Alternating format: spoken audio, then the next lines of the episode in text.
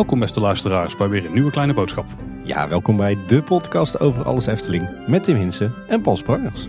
En dit is eh, de eerste keer in tijden dat we weer een eh, nieuwsaflevering opnemen in eh, de Kleine Boodschap Studio.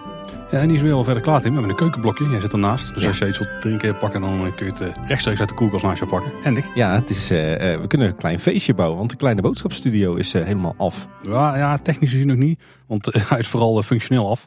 Maar moet nog een beetje aangekleed worden. We hebben hier alles, Paul, nu. Gewoon, ik zie gewoon een werkplek, een eh, keukenblokje, een gevulde koelkast. We kunnen gewoon eh, 24-7 eh, hier gaan opnemen. En niet te vergeten, koudstaande schrobbeler en stroopwafels. Ja, ik, we hoeven hier niet meer weg. We kunnen hier eh, blijven bivakeren. Er is een plek voor bedjes. ik wou net zeggen, heb je nog eens een stretcher staan of zo? Eh, toevallig ook om de hoek. hey, maar goed nieuws Tim, want we, kunnen hier ook eh, legaal opnemen vandaan. Want de anderhalve meter maatregel die geldt niet meer. Ja, precies. Eh, we- kunnen wel een feestje bouwen, want eh, dit betekent natuurlijk heel veel voor de Efteling. Heel veel maatregelen gaan de deur uit, de capaciteit kan omhoog. En ja, wat mij betreft toch wel het goede nieuws van, van deze week, van deze maand misschien wel. We zijn eindelijk af van die verplichte reserveringen. Ja, en de bomen in het bos die doen een dansje Tim. ja, ik hoef ze niet meer uit te printen. Nee, jij print het nog steeds uit had ik gehoord. Ja, Want je bent echt de enige bij de ingang die met een geprinte reservering aankwam, denk ik.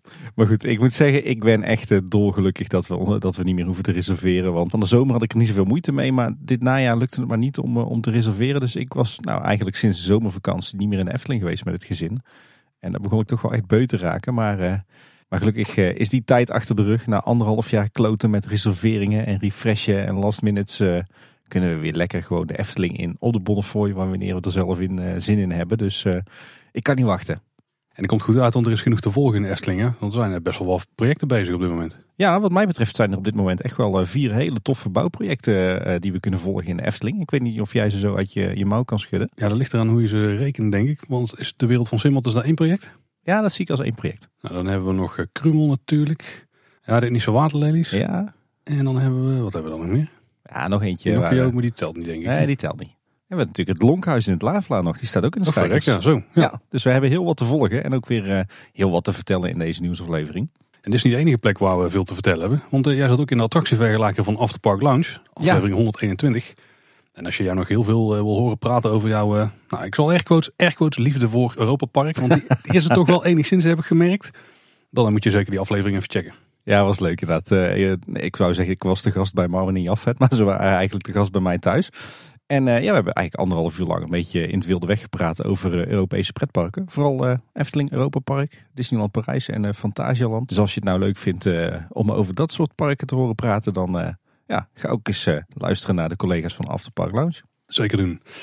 En dan gaan we de follow-up induiken. En dan beginnen we met een heel klein stukje follow-up op de aflevering van Michel dan Dilk.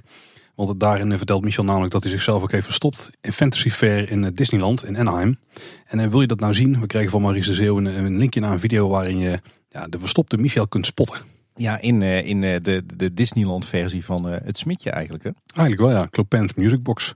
Dus check die video zeker en die kun je in de show notes vinden uiteraard. Ja, en die staan op kleineboodschap.com bij de aflevering. En dan follow-up op de vorige nieuwsaflevering, 234. We kregen daar nog een berichtje van Wessel Wit. Want eh, we hadden het daar over de reclamestim die wij nergens eh, eigenlijk zagen. Vooral niet in de kranten. over, eh, over of je bij de Efteling wilde komen werken. En Wessel die schreef... Ik word op Facebook al maanden doodgegooid met ludieke videocommercials voor werk in de Efteling. Dus het is er wel op grote schaal. Alleen niet in de krant. Want de meeste niet-bejaarden lezen dit natuurlijk niet. Dankjewel Wessel. Typisch Wessel. Kan wel zo zijn, Wessel, maar dankzij het feit dat ik de krant lees iedere dag, weet ik stiekem wel heel veel Efteling nieuws natuurlijk. Ja, maar uiteindelijk komt het ook gewoon op bravosdagblad.nl te staan. Dus Uiteindelijk wel.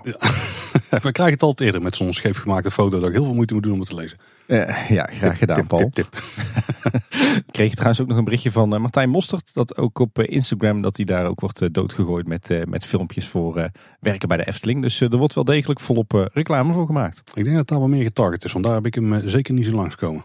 Jij denkt dat ze jou niet willen hebben in de Efteling. Ik denk dat ik te oud ben voor de parkfuncties misschien. Dat ze daar toch, of juist wat eh, mensen met kinderen die al lang van school af zijn zoeken. En ik denk een beetje de studerende, ja, was al twintigers, dat ze die zoeken. Nou, ik heb de indruk dat ze momenteel iedereen wel kunnen gebruiken hoor. Maar mij blijkbaar niet, want ik heb nog geen reclame gezien. Kreeg ook nog een reactie eh, naar aanleiding van de foto die was opgedoken van eh, de vallende boegbeelden die ooit in de Vliegende Hollander hebben gehangen op de lift en die al snel zijn weggehaald. De luisteraar die wist ons te vertellen dat die vallende boegbeelden pas midden in seizoen 2017 verwijderd zijn. Oh, dat is laat.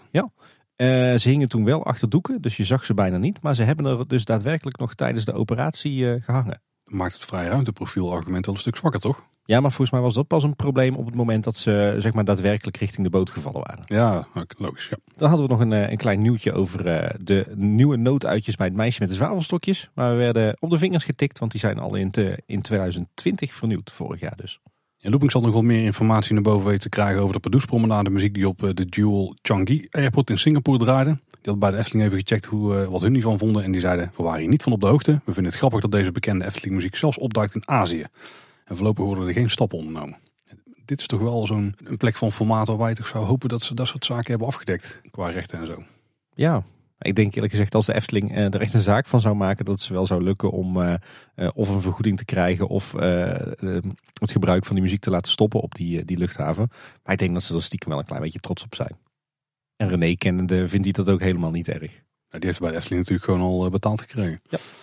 Ja, dan nog een soort indirecte follow-up op aflevering 235. Dat was de vorige aflevering over de muziek van Caro. Wat ik trouwens een hele toffe aflevering vond. Het is een van de weinige afleveringen die ik zelf ook nog heb teruggeluisterd na het monteren. Maar ik ben afgelopen zaterdag eh, toevallig in mooi getimed met deze aflevering zelf naar Caro geweest. De eerste keer sinds dat hij weer is heropend voor mij in ieder geval. Tim, dat blijft ook een enorm toffe show, joh. Ja, jij, jij bent volgens mij met het hele gezin geweest deze keer hè? Ja, dat was voor mij dus de tweede keer ook. Eh, de kinderen en eh, mijn vrouw hadden het nog niet gezien. En die vonden het alle drie ook heel tof. Vooral de oudste dochter, die heeft de groot deel van de show gewoon met open mond zitten kijken van wat gebeurt hier nou weer. Schitterend. Dus daar ging goed. Het was één, één smetje wel op het geheel en dat is dat de Surreal Act, waar René het ook een paar keer over heeft gehad Ja. in een aflevering, die deden ze niet. Oh. En nou, dat, dat is dan aan de ene kant jammer, maar ook de muziek die draaide daarvan niet helemaal af. Ja, en ik weet dus hoe mooi die muziek is, want wij hebben het toen ook met René eh, kunnen laten horen.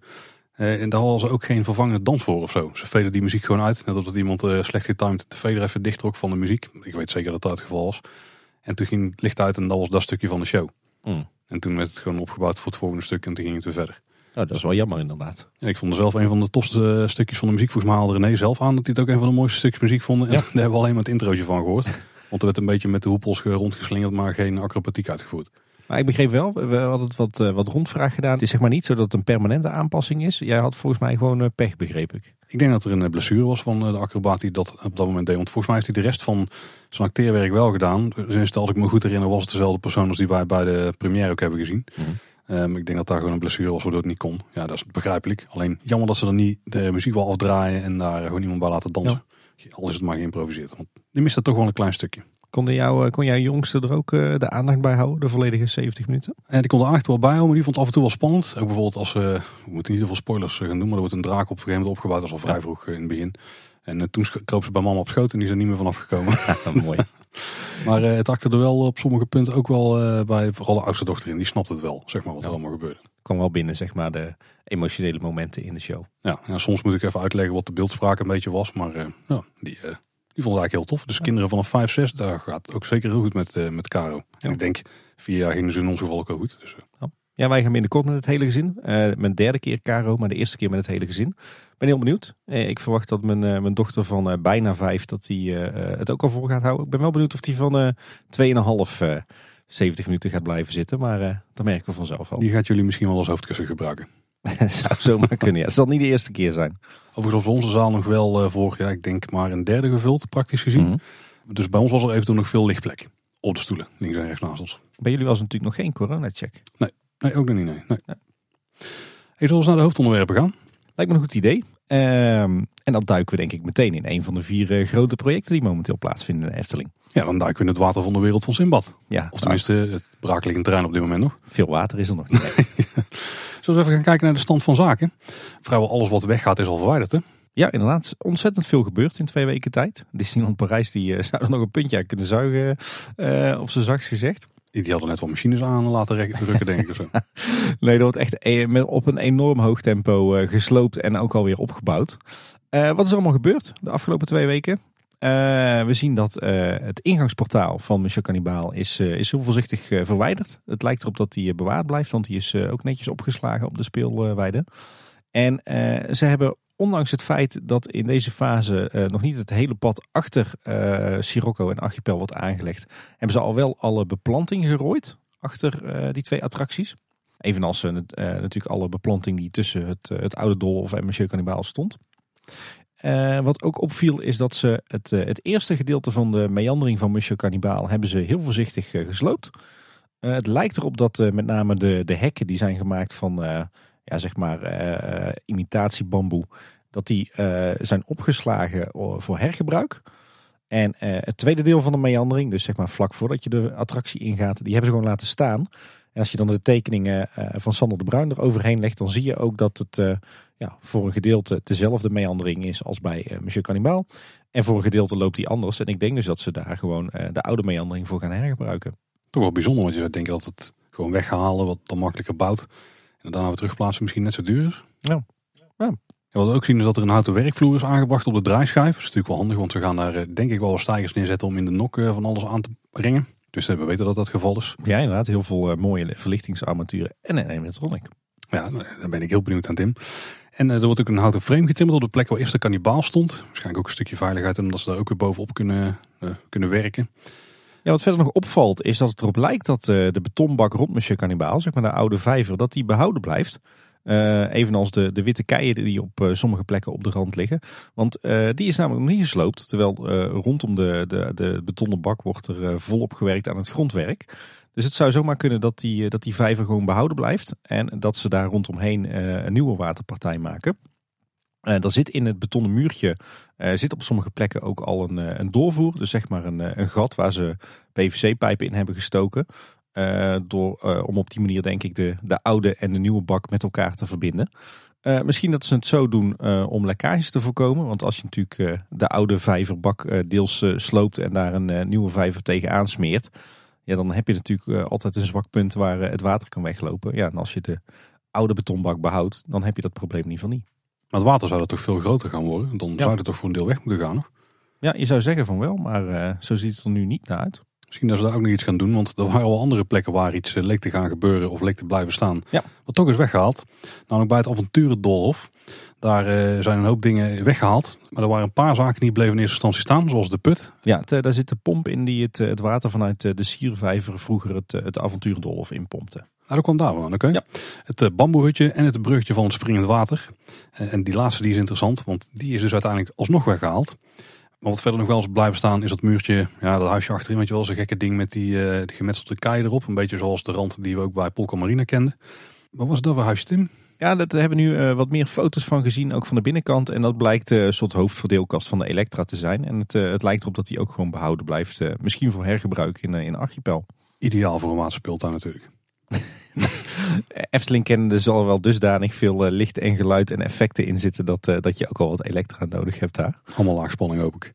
ja. Uh, wat trouwens nog wel opviel, en dat gaat ook over de fasering. Hè. Sander vertelde ons dat Archipel in twee fases werd aangelegd. het eerste deel dicht bij Sirocco, bij Monsieur Cannibal. En een tweede deel meer richting de, de spoorlijn. Dat tweede deel zou pas later worden, worden aangelegd. Maar het viel wel op dat, dat ze eigenlijk alle beplanting al helemaal tot aan de spoorlijn hebben weggehaald. Dus de vraag is even, blijft dat daar straks helemaal braak liggen? We hebben wel gezien dat bij de tweede fase van het Max Morrisplein dat daar gewoon gras was ingezaaid. Wie weet dat ze hier ook zoiets erin zet, iets simpels. Zal ja. misschien geen gras zijn, dat past niet echt in het thema, maar... Zou kunnen. In ieder geval is er van het, uh, het helemaal niks meer, uh, meer over nu. Buiten uh, dus het bamboehutje. Want dat is echt helemaal plat gewalst. Een aantal zaken die hebben ze opgeslagen op de speelweide. Zoals de bamboeplanten, meanderingen en wat decorstukken die ze mogelijk gaan hergebruiken. Ja, ik ben, ik ben vooral benieuwd of ze die, uh, die bamboeplanten uh, opnieuw gaan gebruiken. Want normaal gesproken zou ik zeggen, voer die lekker af als je die eruit hebt gehaald. Maar ze, ze houden ze nou goed apart. Dus wie weet dat we die terugzien op het plein. Of zouden die dan misschien worden ingeplant in die stukken, in die groenstroken die ze nu hebben leeggetrokken? Zou ook zomaar kunnen natuurlijk. Heeft, heeft natuurlijk wel een beetje het exotische sfeertje, hè, bamboe. Um, maar er blijven heel wat uh, onderdelen van Monsieur Cannibal en het avonturendolf bewaard. Uh, misschien voor hergebruik, maar ik denk ook voor een deel gewoon als uh, ja, stukje erfgoedbeheer, waar de Efteling natuurlijk heel goed in is. zo zien we ook dat er aardig wat decorelementen van het oude avonturendolf bewaard zijn gebleven. Evenals zelfs de lichtmasten van het plein. de kookpotten van Monsieur Cannibal die, zijn inmiddels verhuisd naar het, het, terrein voor het Gildenhuis op het dienstencentrum. En die staan er nou naast onder meer de walvis van Polka Marina. Ja, Tim, is waar jij heel blij van wordt. Er wordt uh, flink wat werk verzet aan het grondwerk. Ja, lekker veel kranen en loders en uh, vrachtwagens op terrein. kabels, leidingen en buizen die de grond in gaan. Nou, daar moet jij toch wel uh, enthousiast voor worden. Ja, dat is voor een, een, aardig deel mijn, mijn werk inderdaad. Ja. nou ja, het bedenken er wel niet uitvoeren. Nee, precies. Dat hoef ik dan, dan weer net niet zelf te doen. Nee, inderdaad, er wordt flink gewerkt aan het grondwerk rond Sirocco en vooral bij Archipel. Je begint al echt de contouren van de toekomstige waterspeeltuin te zien. ze hebben volgens mij heel veel slechte grond afgevoerd. er wordt nu heel veel zand aangevoerd. Dat wordt ook meteen verdicht. En ze zijn daarna druk bezig met de, met de nutsvoorzieningen. Dus de nieuwe riolering, de nodige kabels en leidingen. En bij Archipel zie je zelfs al her en der wat piketpaaltjes staan. Die volgens mij aan gaan geven waar de betonnen bak komt te liggen. Hmm. En dan zien we die waarschijnlijk ook snel verschijnen. Ja, tenminste, de Efteling kennen gaat het in een razend tempo straks. Ja, het moet, moet open in december toch? Ja, nogmaals mooie tijd om waterspeeltuin te openen. Maar even terug naar wat er is gebeurd.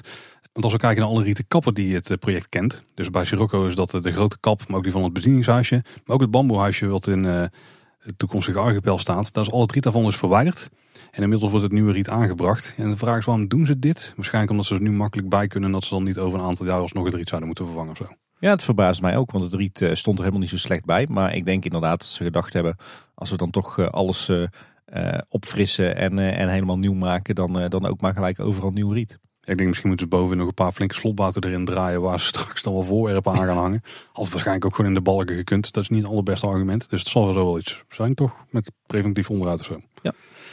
Had ook eens gespot op het bouwterrein is een soort, ja, laat het proefmuur noemen. Het lijkt een beetje ja, van een spuitbeton uh, gekunstelde rotswerk of zo. Ja. Het zou voor de vloer kunnen zijn, maar dat zat er iets te kottig op, zeg maar. Ik denk dat je dan te makkelijk struikelt. Dus ik vermoed dat het misschien wel is voor die als soort van test voor die rots die straks komt, die uh, de attractieborden gaat vormen. Tenminste, dat denk ik dat het daar is. Of is het misschien uh, een test voor de betonvloer in Archipel? Ja, alleen daar zit zeg maar, de structuur die erin zat, die was denk ik te lomp om als vloer te dienen waar kinderen overheen gaan lopen. Is wel lekker anti-slip. En er zat niveauverschil in. Ja, vooral het niveauverschil onder water, daar lijkt me vrij link. Hmm, lekker uitdagend voor de kinderen. ja, dat wel. Het was, was een beetje aardekleur, toch? Een beetje donkerbruin, roodbruin. Ja, daarom deed me denken aan die rots die uh, eigenlijk tussen de twee attracties dadelijk komt te staan.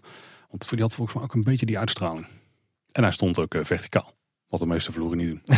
nee, als het goed is niet. Nee, maar ik, uh, ik zou daar nog niet op willen afschieten. Maar we, we, gaan het vanzelf zien, maar dat die verdient. Wat ook interessant is, is dat we momenteel uh, overal in het, uh, op het bouwterrein uh, van die prefab betonnen poeren zien verschijnen. Van die betonblokken eigenlijk. deels komen die volgens mij zo van de fabriek. maar deels worden die op de speelweide ook gestort met allerlei voorzieningen erin. Draadeindjes en, en mantelbuizen voor, voor de elektra en de andere techniek. die worden momenteel geplaatst in het gebied. Ja, eigenlijk rond Sirocco en bij Archipel. En zo even een beetje mysterieus waar ze nou voor zijn. Ik vermoed zelf dat het een soort van funderingen zijn voor uh, de bruggetjes in Archipel. Het komt redelijk overeen met de bruggetjes die we gezien hebben op, uh, op de tekeningen. Bij Archipel ja, zou het kunnen. Bij Sirocco is het in ieder geval zeker voor het begin van de wachtrij. Want er volgt, ja. want er volgt exact die, eh, die lijnen. Ja, wel interessant zijn al die, uh, die mantelbuizen of al die buizen die eruit komen. Zou dat nou echt allemaal uh, techniek zijn? Dus allemaal elektra voor verlichting en dergelijke? Of zou dat, dat misschien ook een manier zijn om uh, watereffecten erin te verwerken? Zit ook bij de wachtrij van Sirocco? Want dan moet het wel verlichting zijn, want dan, dan langskomt. Waarbij ik nee, vermoed dat het allemaal DMX wordt. Volgens mij was het uh, uh, bijvoorbeeld in het, uh, het bruggetje richting het bamboehuisje in Archipel. En dat ze daarna de rand nog leidingen erheen leggen waar ze dan het water erin persen of zo. Water misschien, of perslucht of zo. Geen idee. Nou, we houden het in de gaten. ja, daar weten, wat dat betreft weten we eigenlijk nog maar weinig over Archipel. Ja, daar hebben we wel, wel wat schetsen van gezien natuurlijk op de Efteling. Ja, maar die zijn vrij cryptisch. En wat Sander heeft verteld, werden we wat dat betreft ook niet heel veel wijzer van. Nee, ik ben heel benieuwd wat er straks echt te beleven gaat zijn. Ja.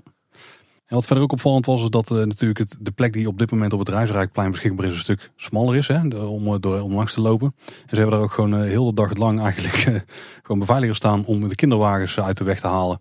En tenminste de mensen te vertellen waar ze moeten parkeren. En om gewoon te zorgen dat het daar doorstroomt. Ja, ja, dat doen ze wel heel goed. Ik moest wel lachen, want ik was laatst heel vroeg bij Carnaval Festival met de jongste. Dus ik had mijn kinderwagen gewoon ergens aan zo'n dranghek vastgezet met een hangslot. Dus toen wij uit Carnaval Festival kwamen, toen was die beveiliger aan het worstelen met onze kinderwagen. Maar daar kon hij natuurlijk niks mee, want die stond met een hangslot vast. En we zitten pesten. Ja, eigenlijk wel. Wat ze trouwens ook al goed hebben gedaan is dat ze inmiddels eh, rond een aantal uh, bomen op het Rijsrijkplein, van die hele mooie uh, nou, stokoude platanen, dat ze daar toch ook wat boombescherming omheen hebben aangebracht rond, rond de stam. Om te voorkomen dat dus kranen en vrachtwagens tegen die bomen aanzitten en ze flink beschadigen. dat doen ze wel goed. En ik zag trouwens ook nog wat, wat activiteit op het op Strookrijk. Daar is nu deels in gebruik als gronddepot van de Efteling volgens mij. Eerder lag er ook een enorm gronddepot voor de F261, maar dat is allemaal opgeruimd. Maar hier liggen nog wat, wat bergjes met, met zand en met grond. En volgens mij rijden ze hier ook de slechte grond van, van dit gebied naartoe en pakken ze daar het, het zand. Dus de Strookrijk is momenteel eigenlijk in gebruik als gronddepot voor de wereld van Simbad. Oh, ik zit toch nog te wachten op het moment dat ze de hekken gaan verzetten. Dat is minstens een half jaar wachten. Ik denk het wel. Mocht je dit nou eh, ook visueel willen volgen buiten onze beschrijvingen, dan eh, denk ik dat we het beste de updates van Eftel Wesley kunnen aanraden. Die uh, plaatst nou een paar keer per week een bouwupdate. Ja, ja inderdaad. Eftel Wesley, maar ook Jeroen 2 en Niels Kooijman, die maken ook heel veel mooie reportages op YouTube. Ja, en wil je ook nog een beetje mijmeren naar hoe het ooit was? We hebben zelf wat exclusieve bouwfoto's kunnen plaatsen van het project. Ja, op Twitter hebben we die geplaatst. een aantal ja, echt bouwfoto's waar de firma MAC de attractie in elkaar aan het zetten is. Met heel veel eh, staal en bouten en dergelijke. En ook een uh, fotootje van het, uh, ja, eigenlijk het model voor uh, de kannibaal. Ja, waarbij ze gewoon echt zo'n zo'n drinkparasoltje hebben gebruikt als de parasol en zo. Dat is wel, wel grappig. En die hebben gekregen van aankomend gast in Kleine Boodschappen. Ja, we gaan iemand interviewen die destijds al betrokken was bij de bouw van Monsieur Kannibaal. Dus dat wordt, wordt heel tof. Zeg Paul, ben jij een beetje hyped over dit project? Ik ben vrij hyped over dit project, ja. Ja, ik ook. Ik kijk hier wel echt enorm naar uit. Omdat er stiekem, ondanks dat we dat interview hebben gehad met Sander, dat er stiekem nog best wel veel onbekend is. En uh, dit kan echt wel wat worden. Ik ben er vooral heel benieuwd naar de invulling van Archipel. En ik ben bij Sirocco voornamelijk heel erg benieuwd hoe het straks ja, qua vormgeving eruit komt zien. Als we er lekker dicht op kunnen kijken en als daar het bootje gaat verschijnen in het water en zo. Ja, ik ben, daar ben ik echt heel benieuwd naar. Ja, de animatronics ben ik wel benieuwd naar. Uh, de muziek ook wel echt uh, heel erg. En de inrichting van het, uh, van het plein met het groen en het water. En ja, zeker. Ja. ja, dit wordt heel vet. Nee, een ander project dat al vrij ver is, maar waar we toevallig een, een, kijkje binnen hebben kunnen krijgen recent, is uh, Bekkerij Krummel. Oh, en Hold Your Horses. We zijn niet echt binnen geweest, maar we hebben een video gezien hè, waarbij ja, Jeroen onze een rondleiding een keer binnengaf. Ja, daar liet hij zijn acteerkunsten weer uh, uitermate goed zien. Dat doet ja. toch iets beter misschien als hij een mooi pak aan heeft. Ja. Nee, uh, was het maar zo'n feestje dat we binnen hadden mogen kijken. Maar dat, dat duurt denk ik nog wel een paar weken. Ja, um, maar wel weken en geen maanden denk ik. Nou, we hebben wel wat geruchten opgevangen dat opening wellicht ergens in de loop van november is. Dus dat is geen meervoud dan maanden. Nee, inderdaad. Ja, anderhalve maand. Is dat meervoud? Nee. Nee. Uh, je had het net al over uh, de video met, uh, met Jeroen Vrij. Daar gaan we het zo meteen nog even over hebben. Maar eerder stond er al, een, wat mij betreft, echt een ontzettend goed artikel op de Efteling blog. Ik liep echt te kwijlen over mijn, mijn toetsenbord. en dat had als titel Ouderwets timmer- en schilderwerken bij Bekkerij Krumel. Ja, dan weet je al, dan, dan kan het alleen maar heel mooi zijn. Um, ja, dat artikel was eigenlijk helemaal gewijd aan al het werk wat, wat de bouwdienst en de schilders en de afdeling decoratie vormgeving doen in eigen huis voor Bekkerij Krumel. Met prachtige foto's van echt enorme hoeveelheden meubilair dat blijkbaar in eigen huis wordt gemaakt. En ook heel veel van die typisch Eftelingse decorstukken zoals je ze ook kent uit Symbolica en Polskeuken en Baron 1898. En uh, ja, daar hebben ze echt een enorm uitgebreid artikel aan gewijd. Dus heb je dat nog niet gezien, uh, ga het zeker even checken. We zetten weer een linkje in de show notes. En, en wat daar, een aantal opvallende zaken daarin is bijvoorbeeld dat al het meubilair voor uh, Bekkerij Krumel zelf wordt gemaakt uh, in het Gilderhuis door de afdeling Bouw en Schilders. Dus er wordt niks uh, van de plank ingekocht, tot mijn verbazing. Het gaat om ruim 60 meubelstukken. Zo. Zoals tafels, krukjes en picknickbanken voor buiten en tafels en banken voor binnen. En Jeroen heeft dus ook echt voor ieder meubelstuk een ontwerp gemaakt. Ja, dat kan ik me wel voorstellen. Want we zagen in, het, in de video dus ook dat ze zo'n stelhandboek hebben. Of het, ja. het ontwerphandboek. Ontwerpdocument. 160 pagina's? 130. Oeh, zo. Nou, dat valt niet tegen. Maar ik heb, ik heb het opgeschreven in het draaiboek, dus daarom weet ik het dan. Zoveel zijn we nog niet. Een paar details die we daarbij nog hebben gehoord is dat de meubels worden gemaakt van Iroko-hout. Ja. Is dat bijzonder? Dat is uh, goed hard hout, ja. En dat alles nu wordt afgelakt. En binnenkort gaan ze dus naar de bekkerij en dan kan het inrichten beginnen, Tim. Ja, inderdaad. En ja, op deze manier is het echt, uh, echt een gezamtkunstwerk. Hè? Dus niet alleen het gebouw en het interieur worden ontworpen, maar zelfs uh, de meubels. In plaats van dat ze gewoon een belletje naar vervoer deden, doen ons wat uh, tafels en stoelen, zoals dat voorheen altijd ging. Ook decoratievormgeving is trouwens al een tijdje druk bezig met de requisieten en muurschilderingen in Bekkerij Krumel.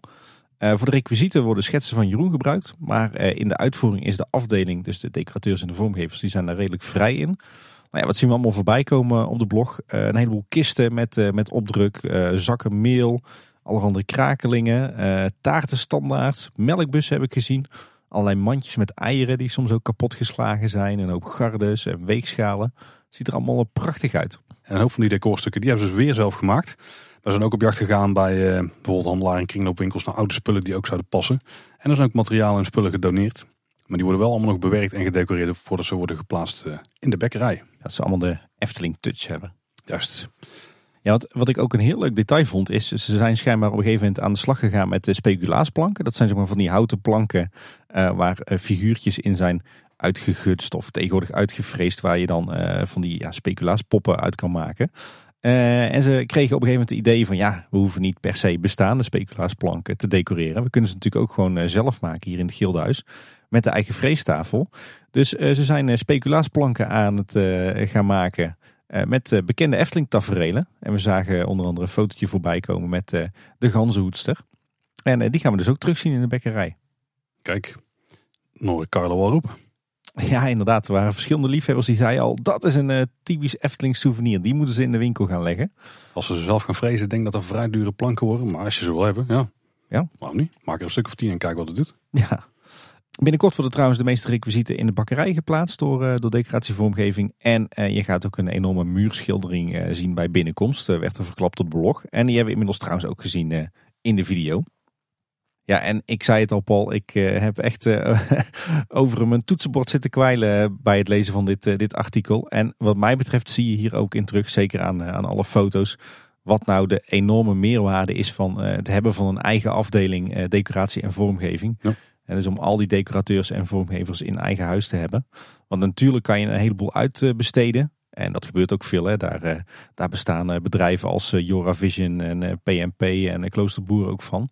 Maar toch, toch is het goed om die, die kennis in huis te hebben. Want ik vind dat, je, dat dat bijvoorbeeld iets is wat je heel goed ziet als je de Efteling en Toverland naast elkaar zet. Ik bedoel, eh, Toverland heeft een, een ontzettend begaafde ontwerper, Peter van Holstein, die maakt prachtige tekeningen. Alleen waar het daar toch nog vaak fout gaat, eh, zelfs in uh, bijvoorbeeld Phoenix, vind ik bijvoorbeeld in het station, is dat je merkt dat zijn ontwerpen gerealiseerd worden door mensen die ja, niet echt uit het wereldje komen. Door normale timmermannen, normale bouwvakkers, normale bouwbedrijven.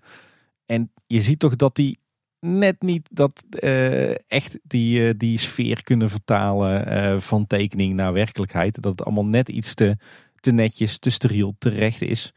En de Efteling heeft gewoon ontzettend veel geluk dat ze, dat ze zo'n grote afdeling met, met vakmensen hebben die dus daadwerkelijk die mooie tekeningen ook nog eens kunnen uitvoeren. En ik denk dat ze vaak ook misschien, hè, als er al een mooi ontwerp ligt, dat ze het nog net even wat mooier kunnen maken. en net even dat nog een extra Eftelingse touch kunnen geven. Dus ja, wat mij betreft laat dit hele project maar weer zien dat, dat de Efteling echt heel zuinig moet zijn op die eigen decorateurs en vormgevers. Hopelijk gaan we daar veel meer van zien in de komende jaren. Ja. Ja, Tim, en als je op zit te kwijlen bij de blog, dan heb je denk ik ook wel zitten kwijlen. Eindelijk, voor het eerst misschien wel, bij deel 4 van Ondertussen in de Efteling. Ja, heeft die YouTube-serie eindelijk toch nog iets van toegevoegde waarde? ja, eindelijk iets van, van inhoud inderdaad. Want aan het begin van de nieuwste aflevering, daar lopen ze samen met ontwerper Jeroen Vrij een rondje op de bouwplaats van Bekkerij Krummel. Ja. ja. En daarbij krijgen we dus een kijkje in het ontwerpdocument. Ik heb nog geen tijd gehad, want de video die kwam, uh, ik zag hem ongeveer, uh, was al het zijn, een paar uur voordat we gingen opnemen. Ik heb mm. nog niet uh, beeldje voor beeldje kunnen kijken, maar de ontwerpdocument, daar moeten toch vast een paar interessante shots in zitten. Absoluut. Dus die moeten we nog even gaan uitzoeken. Maar wat ik... Ook daar werd al van gezegd, waarom verkopen ze die ontwerpdocumenten niet in de souvenirwinkels voor de ook fans? Zo. Daar zou ik ook achter elkaar scoren. ja. ja, zeker. Dat zou ik wel 50 euro overlap hoor. Ja, zeker. Nou, dat, breng ze achter elkaar uit alsjeblieft. Ja. En dit is dan alleen voor een bakkerij, hè? 130 pagina's. Ja. Hoe zou het boek voor eh, Symbolica eruit hebben gezien? En, en ik heb de, de, de video al wel twee keer bekeken, maar het staat inderdaad vol met impressies en wandaanzichten en details en beletteringen en decorstukken. En het is allemaal uitgewerkt. Ja, waar ik vooral heel blij van ben, Tim, is gewoon wat we zagen aan de binnenkant van de bekkerij. Ja. Want eh, als je kijkt naar hoe die op dit moment er al uitzag, en we weten niet wanneer dit is opgenomen, hè, dus dit kan goed van een aantal weken geleden zijn, toen was het binnen vooral nog heel leeg. Maar als je gewoon de ruimte zelf al ziet met die houten balken en het metselwerk daar en de, de togen die je in de achtergrond ziet. En er zit echt heel veel diepte en, en, ha en hoekjes en zo in. Dit, dit wordt echt heel vet. Ja, en het is ook echt een enorm gebouw hè, als je ja. het zo ziet. Een enorm hoog dak. Veel groter dan ik aan de hand van die concept dat uh, had verwacht eigenlijk. Ja. ja, het was wel heel donker op de, op de video. Maar goed, ik neem aan dat hier, uh, hier heel veel uh, verlichting nog in komt hangen in thema. Dus dat komt helemaal goed. Ja, en ook heel veel toffe details weer hier. Hè. Ze werken heel veel in die togen met van die betonnen sluitstenen. En, en daar zit volgens mij ook weer een, een bepaald relief in verwerkt. Of misschien is het toch opgeschilderd. Een hele mooie houten lambrisering zagen we voorbij komen. Her en der ook wat van die witte handjes weer hè, van Max en Moritz. Uh, en wat me ook uh, wel opviel is dat er uh, aan de buitenkant zit natuurlijk de oven aan de kopgevel. Maar die zit aan de binnenkant zie je die dus ook. Ah, vet. Oké, okay, heb ik niet gezien. Nou, wat me wel opviel trouwens, is dat als je de concept art van de binnenkant kan herinneren. Dan had je aan de rechterkant dat je die, die balies waar je dingen kon bestellen met daarboven die plank met die attributen. Maar dan had je dus aan de achterkant van de ruimte waar je binnenkomt, dus eigenlijk een beetje meer links op de tekening, dan heb je die twee togen zitten. Maar die lijken nou al twee open te zijn. Terwijl in de concept art bij eentje nog een balie voor staat. Zouden ze daar dan nog met hout een wand in maken waar dan uh, de koffieautomaten zo voorkomen staan? Of zouden daar anders ingedeeld worden uiteindelijk? Ik denk dat het uiteindelijk toch anders wordt ingedeeld. Ja, zou het? Ja. ja. Want je ja. leek ook daarvoor links nog uh, ook al de zitplekken in te kunnen lopen. Ja. Ook dat is anders dan ik moet. Ja, dat stond net niet op de tekening trouwens. Nee, dat stond er wel op. Ja, maar het is op zich niet ongewoon dat in, uh, in het stadium tussen zeg maar, de impressietekeningen en de daadwerkelijke uitvoering, dat daar in de indeling nog verandert. Ja, maar je zag wel dat, uh, volgens mij toen die tekening is uitgekomen, toen zag je ook al de lijnwerk in de grond een beetje zitten. En volgens mij zagen we daar toen wel wat buizen de grond uitkomen. Ja, klopt. Dus hoe dat dan zit, weet ik ook niet. Zou je een gouden volgstort? Gewoon even een tegeltje erover gelegd. Ja, zou zo kunnen. Uh, en wat me trouwens heel erg opviel, Tim. Ja, hier heb, je, hier heb jij dan weer op zitten kwijt. Ja, ja, ja, op een gegeven moment heb je een shotje op een paar momenten trouwens van Jeroen die staat te praten. En dan zie je dus door die twee togen waar we het net overal die achterin zitten, door de rechtertoog. Dan zie je drie deuren zitten, waarvan er twee heel dicht bij elkaar zitten. Eentje die lijkt naar een backstage ding te gaan, maar dan zitten er daarnaast twee naast elkaar. En dan zit er ook nog een deur naar buiten. Zou hier gewoon een toiletunit komen? Gewoon, weet je, twee deuren naast elkaar. Kan haast niet anders, hè? Met, met dus ook een buitendeur daar een meter of twee vandaan. Dus zou het kunnen dat dit dus de toiletten worden voor het hele plein. Ja, of in ieder geval voor het, uh, sowieso voor het terras van Bekkerij Sowieso voor het ja. terras van Bekkerij Kroemel, ja. Maar ja, je kan op de... Ja, Oké, dat kan natuurlijk ook wel anders zijn. Maar op de originele concept art kun je daar wel het hoekje omlopen. Die kant op, links het gebouw om, zeg maar. En dan kom je bij die deur uit en dan kun je daar naar het toilet. Ja, kan ja, ik, wel gebruiken. Ik hoop en ik verwacht eerlijk gezegd een beetje een uh, toiletgroep uh, van het kaliber uh, Polderskeuken binnen. Ik zou die helemaal durven gokken, maar ik denk dat het vijf of zes toiletunits per... Ja, dat is, dat is Polderskeuken formaat ja. inderdaad. Ja. Maar ik denk vijf, dat er vijf toiletunits per ruimte komen. Zou op zich prima zijn voor die plek. Ja. Ja, de luisteraars zien het niet, maar jij zit hier helemaal hype op je stoel. Ja, dit word ik heel blij van, Tim. Ja. Volgens mij ook, een, ook voor dit tijdpuntje wat dan weggewerkt kan worden bij ja, precies. Eftelist. Ja, mooi. Wat ik dan weer heel mooi vond, was dus die enorme muurschildering als je de, de bekkerij inloopt. Want op die, uh, die uh, bakstenen wand waar je tegenaan kijkt, het trouwens helemaal mooi van schoonmetselwerk uh, is, wat dus echt ook in het zicht gaat blijven. daar staat dus echt een heel mooi bekkerij Krummel op geschilderd. Zoals we dat ook aan de buitenzijde van het gebouw tegenkomen. Dus heel tof. Ja, hier ben ik echt heel benieuwd naar. En wat me ook niet ontging trouwens, is dat Jeroen tijdens het begin van de video een pretzel aan het eten was. Ja, die dadelijk gebakken gaan worden. Ja. In Bekkerij Krummel. Ik ben dubbel hyped jongen, dit wordt echt heel vet. ja, inderdaad. uh, we eerder zeiden we van uh, het zou ons niks verbazen als uh, het, het in de herfstvakantie al open gaat. Als dat het doel wordt. We weten inmiddels dus dat het ergens in de loop van november wordt. en dat blijkt ook wel uit, uit het filmpje, want er is binnen nog enorm veel werk. Nou ja, we weten dus niet wanneer het filmpje is gemaakt. Hè? Ik ga er niet vanuit dat het gisteren was. Nee, dat denk ik ook niet. Ja, en dan buiten gebeurt er ook van alles. De treinrichting nou het uh, flink aangewerkt. Ja. Een hoop van de straatwerk ligt er al in. Ja, inderdaad. Ja, volgens mij hebben ook een paar uh, vakken waar nog wat uh, hagen worden geplant. Dus ja, dat wordt ook heel tof. Ja, er zijn zelfs op bankjes geplaatst. Dus aan de buitenkant begint het in ieder geval echt richting oplevering te gaan. Kijk. Ja. En aan de achterzijde, bij de back of the house, daar wordt ook nog hard gewerkt. Uh, daar zijn ze nu een enorme houten schutting aan het uh, zetten. Inmiddels is die ook al helemaal bekleed met, met ruwe planken. Er staat ook nog een grote elektrakast. maar op die manier gaan ze dus ja, daar nog een buitenruimte creëren. Waar ze waarschijnlijk wat, wat containers kwijt kunnen. en die gaan we dus niet zien als je vanaf de Fata Morgana richting Krumel loopt. Ja, nou, het kan mij niet snel genoeg opgeleverd worden. Maar we zijn al hard op weg. Ja, we kijken er naar uit om het de bekkerij te bezoeken zodra die uh, klaar is. Absoluut. En wat te proberen natuurlijk. Ja, dat sowieso. Ja, dan bijna dramatisch nieuws in de Efteling, Tim. Ja, gelukkig liep het met een sisser af. Ja, want er was een kleine brand in Droomvlucht op uh, vrijdagochtend 10 september. De eerste melding van die kwam om kwart over acht binnen. En er werd meteen opgeschaald naar een middelbrand. Dus dat betekent dat er vijf brandweerwagens die kant op gingen. Onder andere uit Kaatsheuvel, Tilburg en Waalwijk. En er waren ook vier politiewagens te plaatsen. Ja. En we waren er ook, Tim, met live verslaggeving. ja, dat kwam eigenlijk heel toevallig zo uit. Ik, ik weet nog dat ik bij ons in de, in de straat, ik was mijn dochter aan het inladen om haar naar school te brengen. En eerst scheurde er al een politiewagen met, met zwaarlicht en sirenes de straat door. Nou, dat gebeurt anders nooit in, in de cats natuurlijk. Uh, en ik, ik reed naar school, ik uh, zette eraf en ik bleef maar sirenes horen. En, en als je goed luistert, kun je wel het verschil horen tussen politie en brandweer. Dus ik dacht, waar moeten al die brandweerwagens toch naartoe? Ik ga mijn telefoon gepakt, P2000. Hè? brand in de Efteling, middelbrand. Ik zag al die oproepen voorbij komen.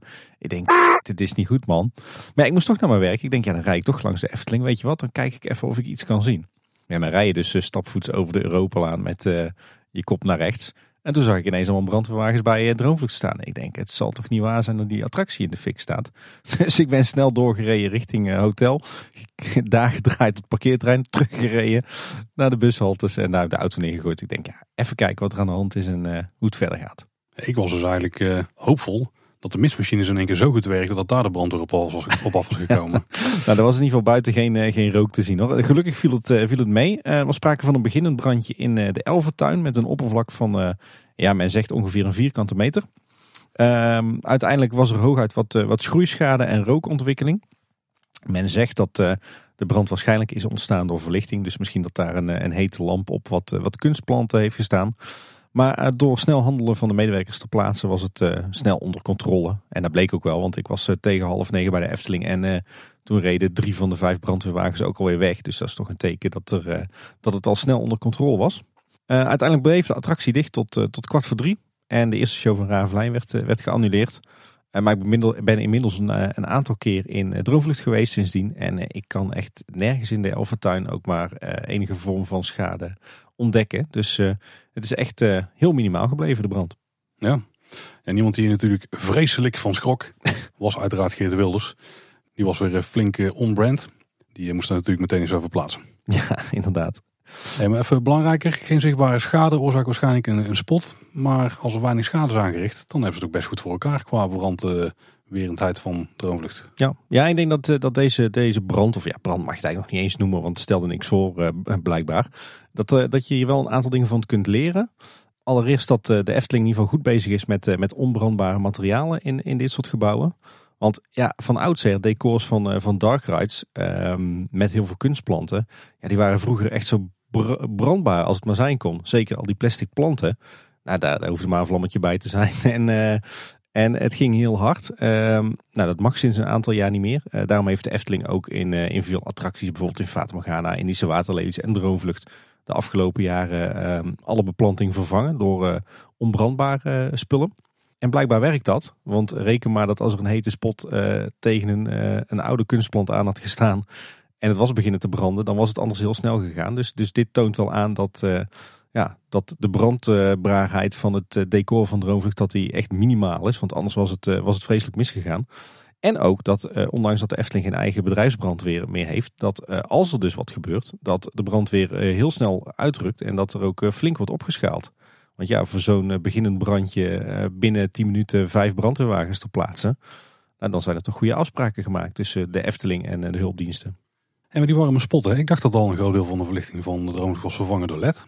Alleen in Zomperwoud uh, hangt LED. wel in Zomperwoud? Ja. Ah, Kijk, ik zat te twijfelen. Ja, dan, dan is het verklaarbaar, ja, ja. ja. Dus eigenlijk is het ja, met een sisser afgelopen. En uh, ja, ik denk dat dit wel aantoont dat de Efteling op het gebied van uh, brandveiligheid en, en ook de hulpdiensten de dingen, ja, de zaakjes goed voor elkaar heeft. En er was nog nooit zo'n slecht zicht in de droomvlucht dankzij effecten. ja, we hoorden wel van luisteraars dat het die middag in de droomvlucht wel nog naar brand rook.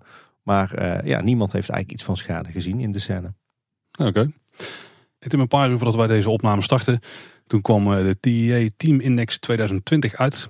Dus dat is zeg maar de, de bezoekerscijfers van heel de wereld, van alle teamparks ter wereld. Ja, dat zorgt dan weer voor een brandje onder, onder de pretparkliefhebbers, zullen we zeggen. Nou, ten eerste wil je hem zelf lezen. We plaatsen het linkje in de show notes. Dat is een pdfje waar al die gegevens in staan. We hebben nog niet helemaal zelf door kunnen nemen. Maar het belangrijkste wat daar eigenlijk ieder jaar in staat, dat zijn de bezoekerscijfers. En die waren in 2020 natuurlijk eh, heel interessant. Ja.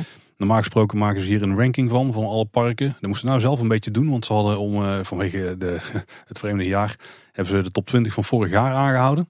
En daar hebben ze de cijfers van dit jaar bijgezet. Dus de ranking die is nog op basis van 2019. Maar de cijfers die zijn dus uh, van, van 2020 staan erbij.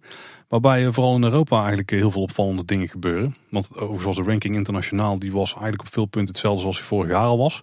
En bij, bij alle parken zijn natuurlijk de bezoekerscijfers afgenomen. Sommige hadden zelfs geen bezoekers.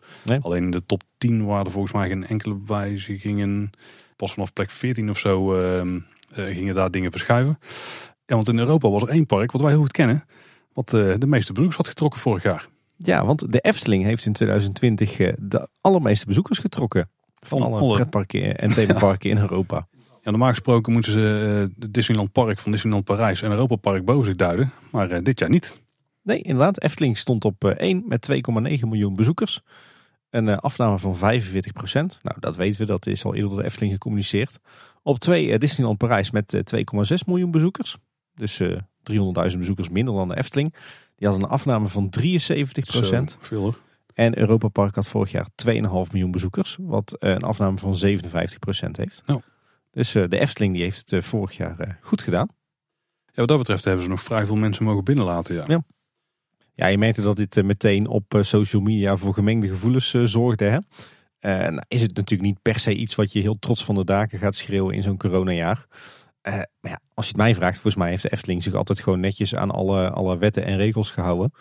Um, en hebben ze het wat dat betreft nog best aardig gedaan. He, de Efteling heeft ook altijd gezegd, ons doel is om de schade zo beperkt mogelijk te houden.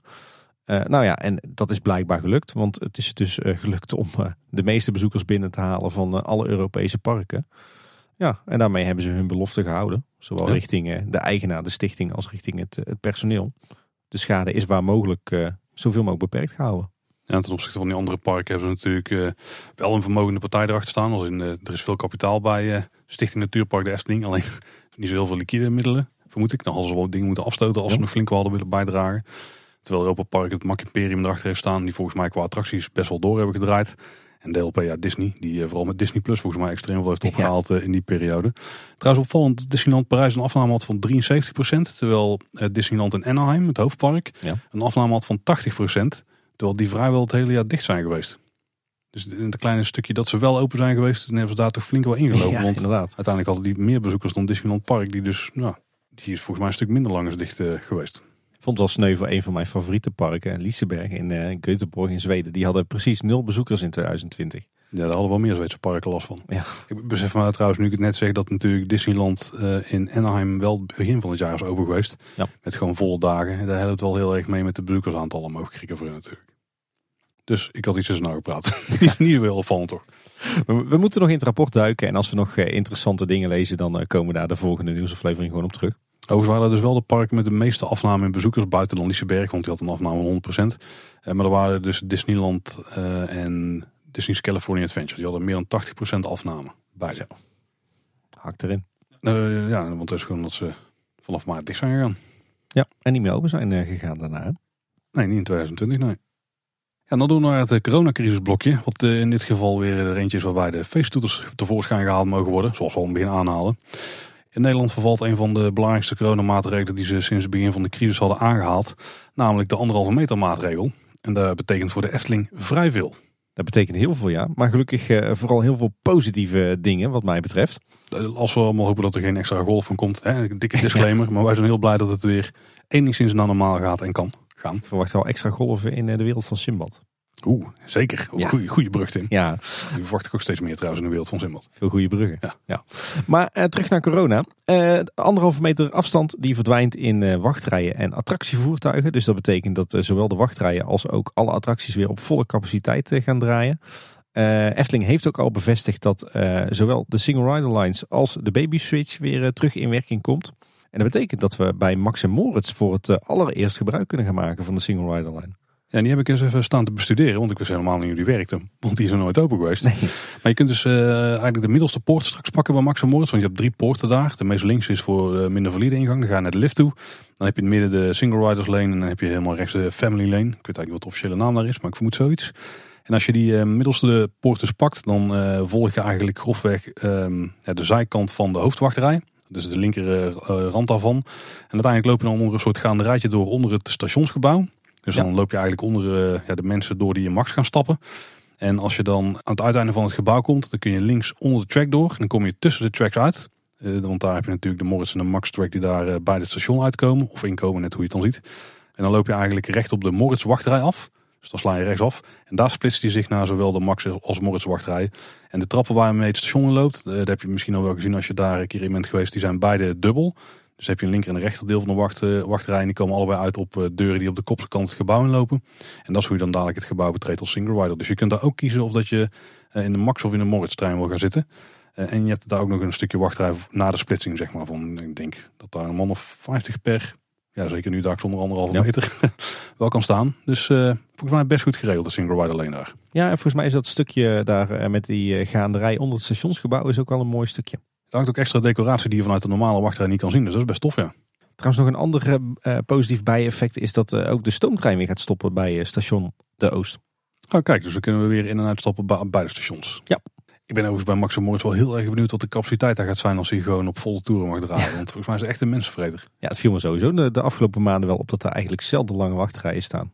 Ja, dat komt omdat de capaciteit nu al vrij goed was. Ja. En nu moesten ze nog, nou, wat zijn? Een derde tot de helft van de trein vaak leeg laten. Ja. Kan je nagaan als ze dadelijk daar mensen doorheen kunnen pompen. Ik ben echt heel benieuwd eh, wat dat Ja, gaat wat een eh, capaciteit monster, ja. Ja. Qua, overigens, qua operations staan er altijd wel voldoende mensen. Ik heb toch vaak twee mensen per trein gezien plus de operator. Ja. Nou, ook belangrijk, het coronabewijs. hè. Dat is in Nederland natuurlijk nu op een paar plekken heel relevant. Op een paar punten in Efteling overigens ook. Maar om het park te bezoeken heb je die dus, eh, ja, hoef je geen geldig coronabewijs te hebben. Ook niet voor de binnenattracties. Eh, zoals het er nu naar uitziet, ook niet voor de shows zoals Fabula, Ravelijn en het Sprookjesbos Theater. Die laatste twee zijn sowieso meer buiten, dus ik denk Ja. dat dat ook niet nodig is.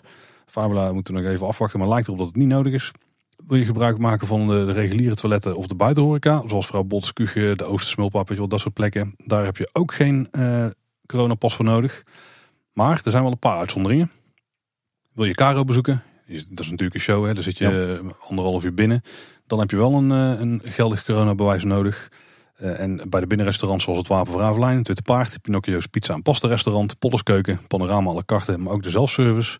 Fabula Restaurant en de Vrolijke Noot, daar heb je wel coronabewijzen nodig. Volgens mij hadden ze wel plannen bij het Witte Paard en bij Panorama Self-Service om daar wel de mogelijkheid te hebben om af te halen, toch? Ja, ja klopt inderdaad. Dus alleen als je binnen wil eten, dan eh, heb je die nodig. Ja. Voor de terrassen is uiteraard geen coronatoegangsbewijs nodig, want dat is buiten. En het poffertje is tot 8 oktober nog een takeaway locatie. En daarna kun je er ook binnen gaan eten met een coronatoegangsbewijs. Ja, en je zult eh, vanaf 13 jaar een coronabewijs moeten laten zien. En vanaf 14 jaar is het ook in combinatie met je, met je ID-bewijs. En even voor de volledigheid, de coronatoegangsbewijs betekent dus dat je eh, bewijs hebt van volledige vaccinatie. Of dat je recent een PCR-test hebt gehad die negatief was. Ja, of een eh, genezingsverklaring van, Eh, van de afgelopen zes maanden. Dat is inderdaad ook goed. Ja. En dat, dat toon je aan met de corona-check-app van de Rijksoverheid. En volgens mij als je een bezoeker bent uit het buitenland kun je ook gewoon de voor jou lokale variant ervan gebruiken. Ik weet niet wat de Belgische variant is of de Frans of Duits, et cetera. Maar als je daar dan je internationale QR-code laat zien, dan is het ook prima. Wat wel heel interessant is, is hoe ze dit gaan controleren. Want dat is wel een aanslag op je personeelsbestand. Ja, dat vraag ik me af. Want je, ziet, eh, je zag de laatste maanden dat ze toch bij die binnenlocaties... dat er toch ook vaak wel personeel bij de deur stond. Om eh, met name de bezetting van de ruimtes eh, in de gaten te houden. En aan een soort van grouping te doen. Hè? Dus er stonden altijd wel één of twee mensen aan de deur van... wacht even, u komt zo aan de beurt. En als ze het grondig willen gaan controleren, dan kost het wel wat tijd. Hè? Zouden ze misschien ook gaan werken met een systeem waarbij je nog een bandje krijgt naar, naar een gunstige controle. Ik wou geen positieve controle zeggen, want is misschien niet zo handig in deze context. Eh, of, of dat je een stempel krijgt of zo, die, dan kunt, die ze makkelijker kunnen scannen dan eh, zo'n bewijs. Verwacht ik niet. Ligt in Nederland wel heel erg eh, gevoelig hoor. Mensen een bandje geven eh, na zo'n test. Ik- ja, Ik denk eerlijk gezegd dat ze daar hun vingers niet aan gaan branden. Ik verwacht bij die paar restaurants, waar vaak toch even een rij staat buiten, omdat het restaurant binnen vol zit, dat ze daar wel voldoende tijd hebben om die, die app te controleren. Het is wel praktisch hoe het ook werkte bij ons toen we in Denemarken waren. Als je er binnen wilde gaan eten, moest je ook je QR-code laten zien. Bijvoorbeeld in Legoland hebben ze er twee keer naar gevraagd. was overigens wel ik, een van de weinige keren dat ze het hebben gevraagd. Maar dat was ook niet meer dan even dat ding gewoon kijken van heb je hem überhaupt? Ja, is goed. Ja, had ook een screenshot kunnen zijn in een paar gevallen. Een enkeling vroeg nog van druk even op het vraagtekentje. Dan kan ik zien eh, dat daar nog iets meer informatie achter zit, zeg maar. Dat het geen screenshot is. En ja, ik ben benieuwd hoe dat hier gaat toch. Het kan goed zijn dat we in het begin daar hele strenge controle op gaan zien. Maar ook dat ook dat steeds lakser gaat worden. Ja, en ik denk dat de Efteling eh, mobiele telefoons moet, eh, moet gaan aanschaffen voor het personeel dat eh, die QR-codes gaat Te gaan controleren. scannen, ja. Ja. Goeie. Ja, en officieel moet je daar het ID-buis ook bij vragen. Ik ben benieuwd Ja. wat ze dat gaan doen, want dat gaat wel voor vertraging zorgen. Ik denk dat ze het in het begin toch wel gaan doen. Ik denk dat ze het in het begin ook heel netjes gaan doen, ja. Ik hoop natuurlijk dat ze het heel lang heel netjes gaan doen. Zou ze wel sieren. Ja. Nou ja, en, en sowieso eh, is het een tijdelijke situatie. Hè? Dus er gaat een moment zijn dat ook dat wordt eh, niet meer nodig is. Ja, klopt. Trouwens ook interessant is dat de Efteling heeft gezegd dat ze het aantal bezoekers de komende tijd langzaam gaan opbouwen. Zodat gasten en medewerkers er weer aan kunnen wennen. Ja, en dat las ik dus eerst en toen schrok ik. Want toen dacht ik, oh nee, het zal toch niet zo zijn dat, dat we blijven werken met die beperkte capaciteit. En dat we nog steeds moeten reserveren. En nog steeds die ellende. En, maar dat viel toch eh, heel erg mee. Ja, en daarom vind ik dat ook een bijzondere uitspraak. Want eh, nogmaals, de reserveringen voor de abonnementhouders, die worden compleet losgelaten. Yes. Maar hoe gaat dat dan met het langzaam opbouwen van de capaciteit? Want volgens mij wordt het zeker de eerste weekenden gewoon extreem druk. Omdat mensen het idee hebben dat we in te halen hebben. Ja, ja dus we gaan een paar dingen doen. Hè. Uh, bezoekers met een los ticket of betaald of uh, zo'n ticket als je al een, een kortingskaartje hebt. Die moeten nog altijd een, een reservering voor een tijdslot maken. Dat doet de Efteling om voor een betere spreiding bij de hoofdentree te zorgen. ze gaan wel meteen vanaf 25 september meer tijdsloten beschikbaar stellen. Maar dat, dat geldt dus inderdaad niet voor abonnementhouders. Omdat volgens de Efteling ja, abonnementhouders eigenlijk al heel lang veel gedoe en problemen hebben gehad met het, het reserveren. En daarom hebben we nu blijkbaar als, als abonnementhouders een streepje voor. En dat, ik moet zeggen, daar, daar was ik wel heel erg blij mee. dat was wel een positieve verrassing. Want dat had ik eerlijk gezegd niet zien aankomen. Ik denk, ze schroeven nog eerder de capaciteit van betalende gasten op dan die van abonnementhouders. Maar nu is het dus een keertje helemaal andersom. De dagjesmensen die hebben pech, die moeten nog gewoon reserveren. En als abonnementhouders hebben we eigenlijk het privilege dat we daar helemaal niet meer naar hoeven te kijken. Thank God. Maar ik denk inderdaad dat ze er nu wel rekening mee hebben gehouden dat, dat zeker de komende tijd dat het behoorlijk druk gaat zijn met met name al die extra abonnementhouders. Aan de andere kant, misschien dat ze wel, de, wel zo redeneren, we houden de capaciteit voor betalende bezoekers nog even gelijk. En dan alles wat we extra krijgen aan abonnementhouders, dat is dan die, die stijging van het, het bezoekersaantal. Ja, het zou zoiets wel moeten zijn. Want ik denk als je de betalende bezoekers wat gaat opschroeven. Want door, die, door het verdwijnen van die regel gaan veel mensen zich ook meer vrij voelen. Dus ik denk dat er ook meer mensen gewoon dit soort uitjes al Ik denk dus dat, ik denk dus dat er ook meer mensen aan dit soort uitjes weer gaan. Maar die, die abonnementhouders, ja, die, die hebben we in te halen voor een gevoel. Dus ik voel het ja. daar ik denk serieus dat de komende weekend een paar van de drukste gaan worden die we tot nu toe hebben gehad in het park. Dat denk ik ook. De Efteling communiceerde zelf van, ach, abonnementhouders komen toch niet allemaal tegelijk op dezelfde dag. Maar oh, denk op dit, in dit geval. Ja, uh, we praten hier natuurlijk nu over. Het is nu nog voor het weekend dat het allemaal gaat gebeuren. Dus op dit moment weten we al hoe het is gegaan afgelopen weekend. klein voorschot op de glazen bol, Tim. Ik verwacht dat het weekend heel druk is geweest. Ik uh, denk het ook, ja. Ik denk dat er ook best wel wat mensen binnen de Efteling denken... Nou, ben benieuwd wat er op ons af gaat komen eh, dit weekend. Ik denk dat er best wel veel mensen zijn opgeroepen voor komende zaterdag. Ja. Belangrijk trouwens is dat de rode en witte wachterrijvakken en de spatschermen en dat soort zaken, die zullen nog niet meteen allemaal weg zijn. Nee. Er gaat waarschijnlijk wel wat verdwijnen al de komende, tenminste eh, in de nacht voor 25 september. Maar nog zeker niet alles. En de Efteling heeft aan van, je hoeft je daar dus niet meer aan te houden. Je mag gewoon overal gaan staan dadelijk in de wachtrij. Klopt inderdaad. Uh, Efteling heeft ook uh, aangegeven dat er bij de hotels en resorts wat gaat veranderen. Uh, daar heb je alleen een corona-toegangsbewijs nodig als je gebruik maakt van de, de horecalocaties, dus de verschillende restaurants. En gasten in de Efteling hotels en de vakantieparken die ontvangen als ze willen na een check wel een polsbandje. Zodat ze niet constant opnieuw gecontroleerd hoeven te worden. Maar die hebben natuurlijk al vaker polsbandjes, dus daar misschien niet heel veel anders dan normaal. Nee, precies. Daar ligt misschien net iets minder gevoelig. De Efteling gaat zelf geen sneltestlocaties zo inzetten of, of inrichten. Nee, nee, daar heb ik eigenlijk nog geen enkel park uh, over gehoord. Nou, ik weet dat ze het bijvoorbeeld in de afgelopen zomer wel hadden in Europa Park. Dat je daar dus wel makkelijk jezelf kan laten testen. Want als jij een verblijfsgast bent voor een langere periode en je hebt je niet laten vaccineren, dan kun je alleen maar de eerste paar dagen naar, uh, naar de, de horecalocaties. Ja. Want dan is je test nog geldig. Ja, ik denk dat je hier dan in principe naar een, eh, een, een testlocatie moet gaan buiten de wereld van de Efteling. Ja, maar dat is dan toch Tilburg. Ja, dus niet super ver weg. Ja, en Tilburg ligt een hele grote. Maar ik, ik geloof dat je ook bij het NH Hotel, nou dat is echt op een oh, uh, afstand, kan je ook laten testen volgens mij. Oh, oké. Nou, dat is nog wel te doen. Ja. Ja, we zeiden het net al in de nacht van vrijdag op zaterdag, dus afgelopen vrijdag op zaterdag, zoekt de Efteling nog personeel om uh, te helpen met uh, fysiek zwaar werk. Want er moet wel gesjouwd worden. Ja, dat zal dan toch voor een deel de ombouw zijn. Maar wat er dan precies gaat gebeuren, weet ik niet. Nee. Ik vermoed dat ze op een paar plekken waar ze nog staan een hoop dranghekken gaan weghalen. Misschien dat ze bij Joris en de Draak het flink gaan opruimen daar. Ik denk heel veel, heel veel bordjes en A4'tjes en alles wat ze zeg maar makkelijk kunnen opruimen. Dus niet per se die kuchschotten, maar alles wat een beetje makkelijk opgeruimd kan worden, denk ik dat ze dat toch wel weg willen hebben voor 25 september. Ja, vooral de infra- en ruigraak daar, die is wel flink veranderd. Vooral bij Joris en de Draak. Dus ik heb me vermoed dat ze daar wel wat gaan doen. Zien bij de Vliegende Hollanders dan ook nog een hoop van die uh, hekken en zo. In dat soort plekken dat ze dat vooral gaan opruimen. Inderdaad echt het sjouwwerk. Ja, ja, dus ze gaan er mee aan de slag van half zeven s'avonds tot uh, vijf uur s ochtends. Dus, uh... Oeh, maar, die men, maar dan ook mensen nodig die de dag daarna nog in het park gaan draaien. Ja, ja het, mailtje wat we te zien kregen, daar stond ook in, ben jij op vrijdag of op zaterdag nog niet ingedeeld? En heb je tijd, dan zouden we het fijn vinden als je komt, komt sjouwen. Kijk. Ja, we zeiden het net al, hè. Het, deze aflevering komt natuurlijk uit na het eerste weekend uh, waarop je niet meer hoeft te reserveren. En na het eerste weekend uh, waar, waar die maatregelen waarschijnlijk zijn weggehaald. Of in ieder geval een deel ervan. maar op het moment van opname weten we dat nog niet. Maar in onze volgende nieuwsaflevering dan komen we natuurlijk uitgebreid terug op alle coronamaatregelen die zijn verwijderd in het park. En natuurlijk ook een evaluatie hoe het de eerste weekenden is gegaan. Ben, ben je er trouwens zelf bij, Paul, in het, het, het weekend van 25 september? Zeker niet op zaterdag, want dan heb ik het veel te druk met andere dingen. Maar de zondag misschien wel, ja. Hm. Ja, wij zijn net een, een weekendje weg met, met de familie, dus ik kan er helaas niet bij zijn. Maar reken maar dat daarna dat we geregeld in de Efteling te vinden zijn, nu we eindelijk niet meer hoeven te reserveren. Er zullen vast wel van onze redactieleden zijn om beslagen te brengen. Dat denk ik wel, ja. Er was trouwens nog wel wat, wat ophef. Die is ook nog niet helemaal gaan liggen volgens mij. Als ik heb er nog niet 100% uitsluitsel over zien nee. langskomen. Uh, maar volgens het Nationaal Kernteam Crisiscommunicatie moet de Efteling ook, ook om coronabewijzen vragen bij binnenattracties. Want dat zijn binnenlocaties met vermaak. Nou vermoed ik dat daar niet zo'n groot probleem zou gaan zijn. Maar Fabula is wel een beetje zo'n zo'n twijfelgeval. Want er was een discussie natuurlijk van bioscopen. Daar heb je dus ook een coronatoegangsbewijs uh, bij nodig. Maar bij uh, Fabula niet. Er is natuurlijk wel een klein verschil met Fabula. Dat is dat daar de deuren regelmatig open gaan. Dat je daar maar een minuut of 10, 12 in de zaal bent. Ja.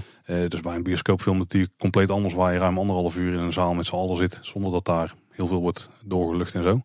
Dus misschien dat daar nog een, een essentieel verschil uiteindelijk in zit. En dat het daarom meer als een attractie geldt dan als een filmvoorstelling. Maar eh, buiten, het is ook niet super praktisch natuurlijk om het te doen. Maar ik begreep dus van Thomas van Teamtalk dat het zo is dat de Efteling bij binnenkomst van het park niet eens mag vragen om een coronatoegangsbewijs. Nee. Dus je kunt er dan niet zeg maar in de controle aan de deur doen en er daarna vanuit gaan dat alles goed is. Het is dus ook wel vreemd dat ze dan op die manier regels opleggen die het super onpraktisch maken voor uh, heel veel plekken om het dan op die manier volgens de letter zoals hun interpreteren zien. Ja.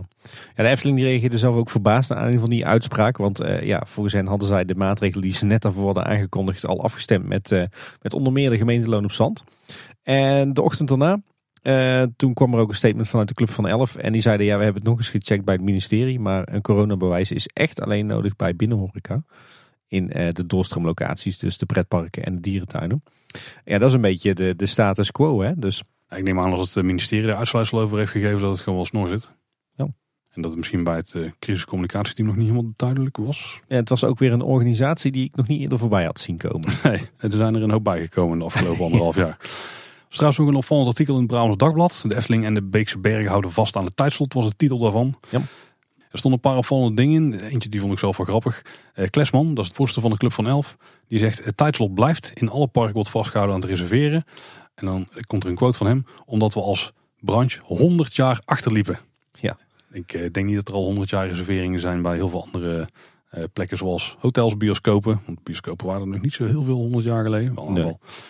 Nee. En als reden halen ze daarbij aan dat het voor een bedrijf veel fijner is om met die gegevens te kunnen werken. Want dan kun je namelijk je personeelsplanning en zo veel makkelijker maken. Dus dat heel veel locaties of heel veel uh, leden van de Club van Elf daarom hebben besloten om mee te blijven werken. Bij de Efteling is het natuurlijk wel alleen maar voor de, voor de dagtickets. Ja, inderdaad, is wel opvallend. Want bijvoorbeeld bij de Beekse Bergen, daar laten ze het maximum wel los. De Efteling heeft nog wel een, een maximum met reserveren. wat alleen geldt voor betalende gasten. Maar bij de Beekse Bergen hebben ze dat losgelaten. Alleen daar moet je dan wel weer reserveren, ook als abonnementhouder. Wat eigenlijk raar is, want als er geen maximum is, dan kan ik toch ten alle tijde ieder mogelijk moment reserveren. Dus heeft het reserveren toch geen zin? Ja, maar die, als je dan toch reserveert op zijn minst een dag van tevoren, kunnen ze met de personeelsplanning nog rekening mee houden. Ik denk dat dat daar gewoon vooral is. Ik las later ook ergens dat de bedoeling wel degelijk is dat op termijn die, uh, die verplichting van reserveren overal vervalt. Maar dat ze dan wel overgaan op een systeem waarbij je korting krijgt als je online een gedateerd kaartje koopt. Uh, zodat ze toch nog steeds uh, een beetje kunnen inschatten hoe druk het wordt. Ja, ja dat klinkt logisch. Hè. Op zich doet de Efteling natuurlijk al een beetje met die uh, verschillende tickettypes. Ja. Maar die koop je nog steeds niet op datum, toch? Die koop, die koop je gewoon zodat je ze binnen die bepaalde ja. we zeggen, geldigheidsmomenten ja. kunt gebruiken. Ja, maar Efteling zou natuurlijk wel veel meer kunnen gaan inzetten op uh, online verkoop van uh, tickets op datum. Ja. Uh, woordvoerder van de Efteling zegt in ieder geval uh, dat ze dus het tijdslot met maximum capaciteit houden, zodat ze de doorstroom goed kunnen reguleren. Efteling wil de bezoekers ook niet meteen confronteren met de gebruikelijke drukte. Ze bouwen de capaciteit langzaam op, zodat de bezoekers, maar ook het personeel, langzaam weer kunnen wennen aan een vol park. Kleine voorspelling, dit gaat keihard falen. maar ik ben daar iets minder zeker van. En Steven van Geels, de woordvoerder, zegt ook nog dat voor abonnees het reserveren dus wel vervalt. En hij zegt, die hebben al genoeg problemen met reserveren gehad. We hebben ze nu ingecalculeerd. En daarbij komen ze toch al vaak verspreid. Ik ben benieuwd naar de calculaties. In ieder geval wel fijn dat we nu echt een streepje voor hebben als abonnementhouders. En nog een paar belangrijke dingen. Nog meer goed nieuws. Het personeel mag namelijk sinds enige tijd weer gewoon gratis het park bezoeken. Vanaf 25 september kunnen ook zij dat zonder reservering doen. Net zoals de abonnementhouders. Erg belangrijk is dat de vriendentickets, eh, dat je daar dus wel voor moet reserveren. Die gelden in principe als gewoon reguliere dagtickets. Dus met de optie, ik heb al entree-tickets op de site, kun je die reservering maken. Reserveringen die dus al hebt gemaakt met je vriendentickets, die zijn niet geannuleerd. In tegenstelling tot al je abonnementreserveringen, die zijn wel geannuleerd. Ja. Eh, en ook heel belangrijk, geeft Efteling ook zelf aan, heb je de Albert Heijn tickets, uh, maak die binnenkort op. Want die geldigheid die vervalt ook volgens mij midden november. Ja, 14 november. Dus hou ook dat in de gaten. Ja. Tim, je haalde in het begin enthousiast aan dat er meerdere bouwprojecten te volgen zijn in de Efteling. Ja. Ik snap natuurlijk al waar de enthousiasme voor jou vandaan komt. Want vier nieuwe projecten die worden opgeleverd, betekent ook dat er weer vier nieuwe plekken zijn waar meer onderhoud kan plaatsvinden.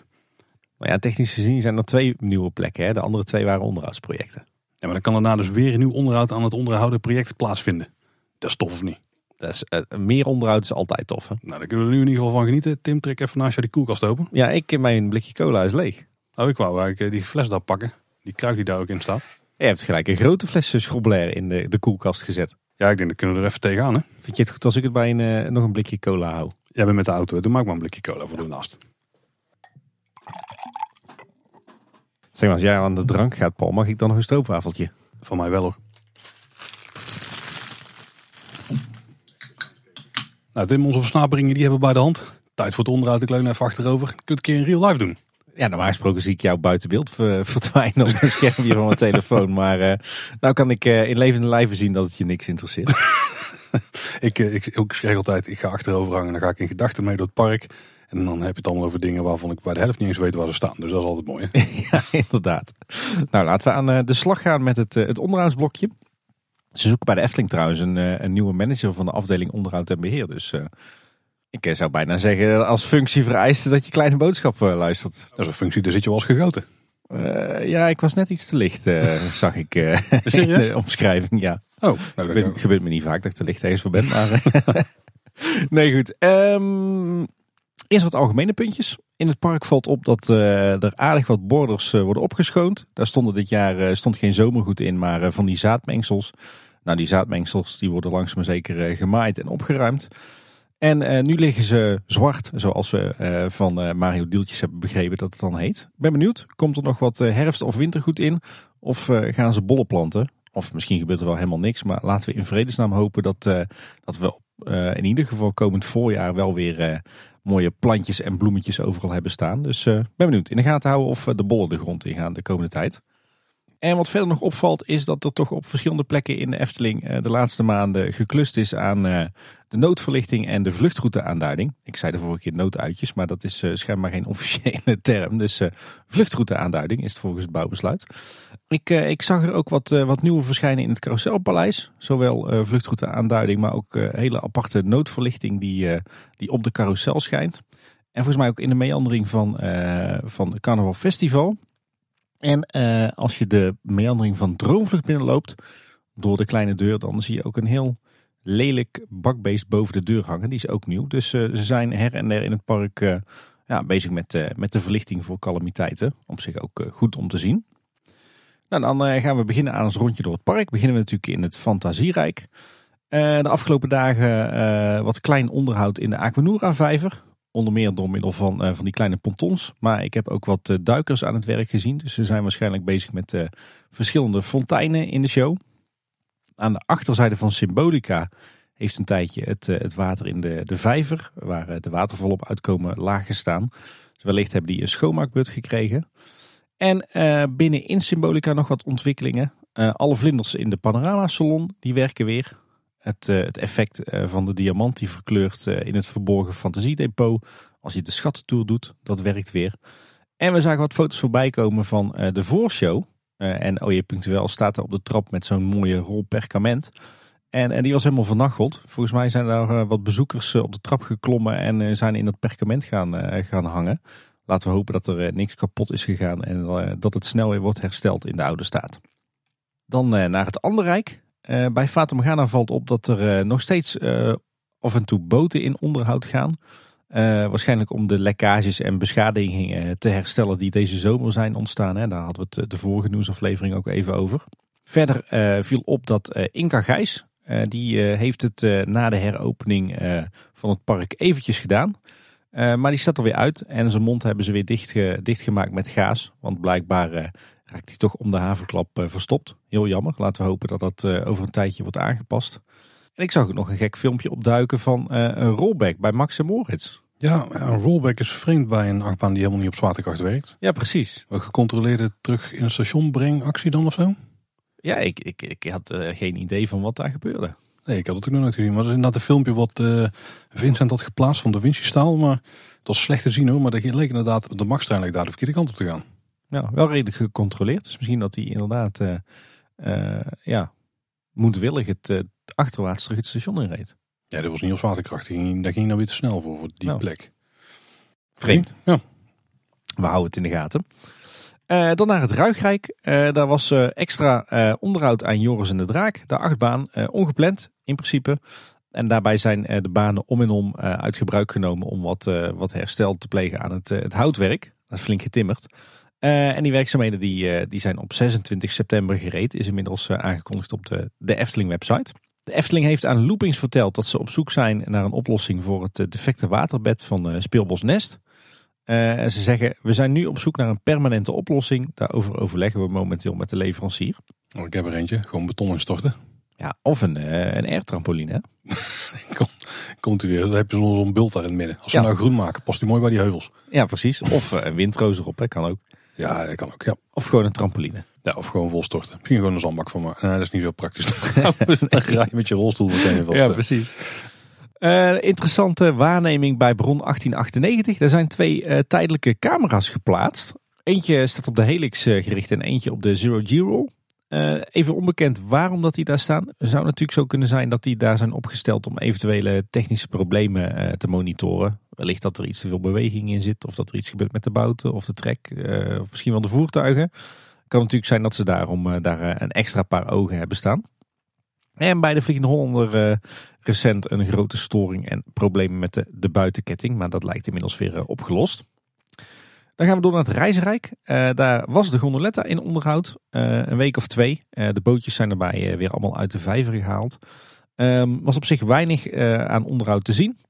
Wel is er onderhoud geweest aan de loopwielen van de draaischijf. Daar hebben ze nou van die hele makkelijke luikjes die ze open kunnen trekken om bij de loopwielen te komen. Nou, die hebben een tijdje open gelegen.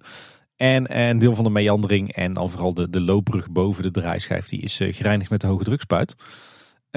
Geen werkzaamheden aan de bootjes zelf toen ze op de kant lagen. Ze zijn ook niet schoongemaakt. En inmiddels liggen de bootjes weer terug in de vijver.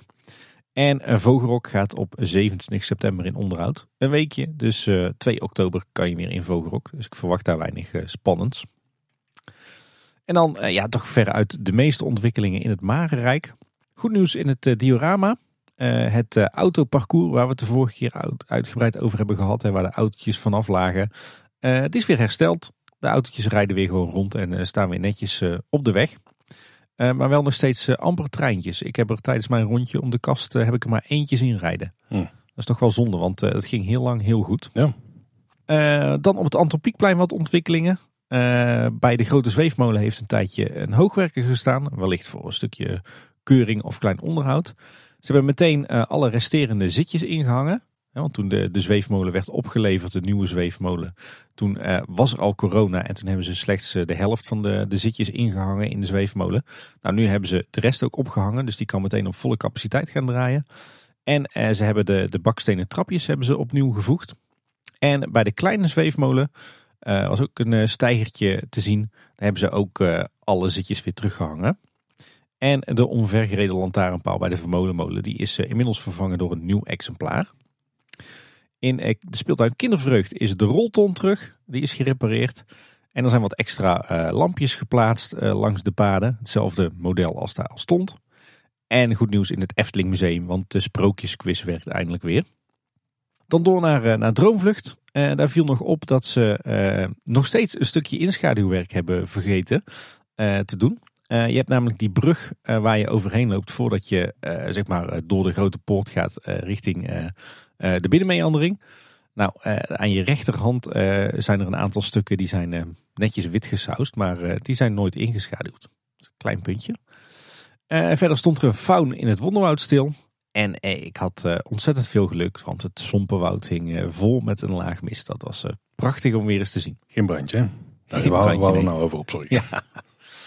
Ehm, wat me trouwens ook nog opviel is hoe slecht de Sint-Nicolaasfontein er eigenlijk aan toe is. Niet alleen het, het schilderwerk van het beeld, maar er zit ook enorm veel vorstschade op. Eh, de bakstenen van de sokkel waar het beeld op staat, die zijn in een slechte staat. Maar ook bijvoorbeeld de natuursteenafdekkers van de, de bak en de voegen. Um, echt ontzettend veel schade. Dus ik hoop dat ze die fontein binnenkort eens een keertje echt grondig aanpakken. Was veel kapot aan. Dan door naar het, het Lavelaar. en ja, daar is toch wel een hele verrassende en ja, toch wel redelijk ingrijpende onderhoudsklus. Namelijk het, uh, het Lonkhuis wordt flink onderhanden genomen. Is heel lang dicht geweest. Het Lonkhuis is het, ja, zeg maar als je voor de ingang van het Lavelaar staat, het gebouwtje aan je linkerhand. Je hebt zeg maar de poort het Lavelaar in. Rechts het Slakkenhuis en links het, het Lonkhuis. Nou, dat linkergebouw is heel lang afgesloten geweest. We dachten allemaal dat dat was vanwege corona. Maar waarschijnlijk heeft dat met de staat van onderhoud te maken. Nou, wat zijn ze aan het doen bij het, eh, het Lonkhuis, oftewel het, eh, het Vleugelhelmhuis, zo wordt het, eh, het gebouw ook nog wel eens genoemd. ze zijn onder meer aan het werk aan de voorgevel.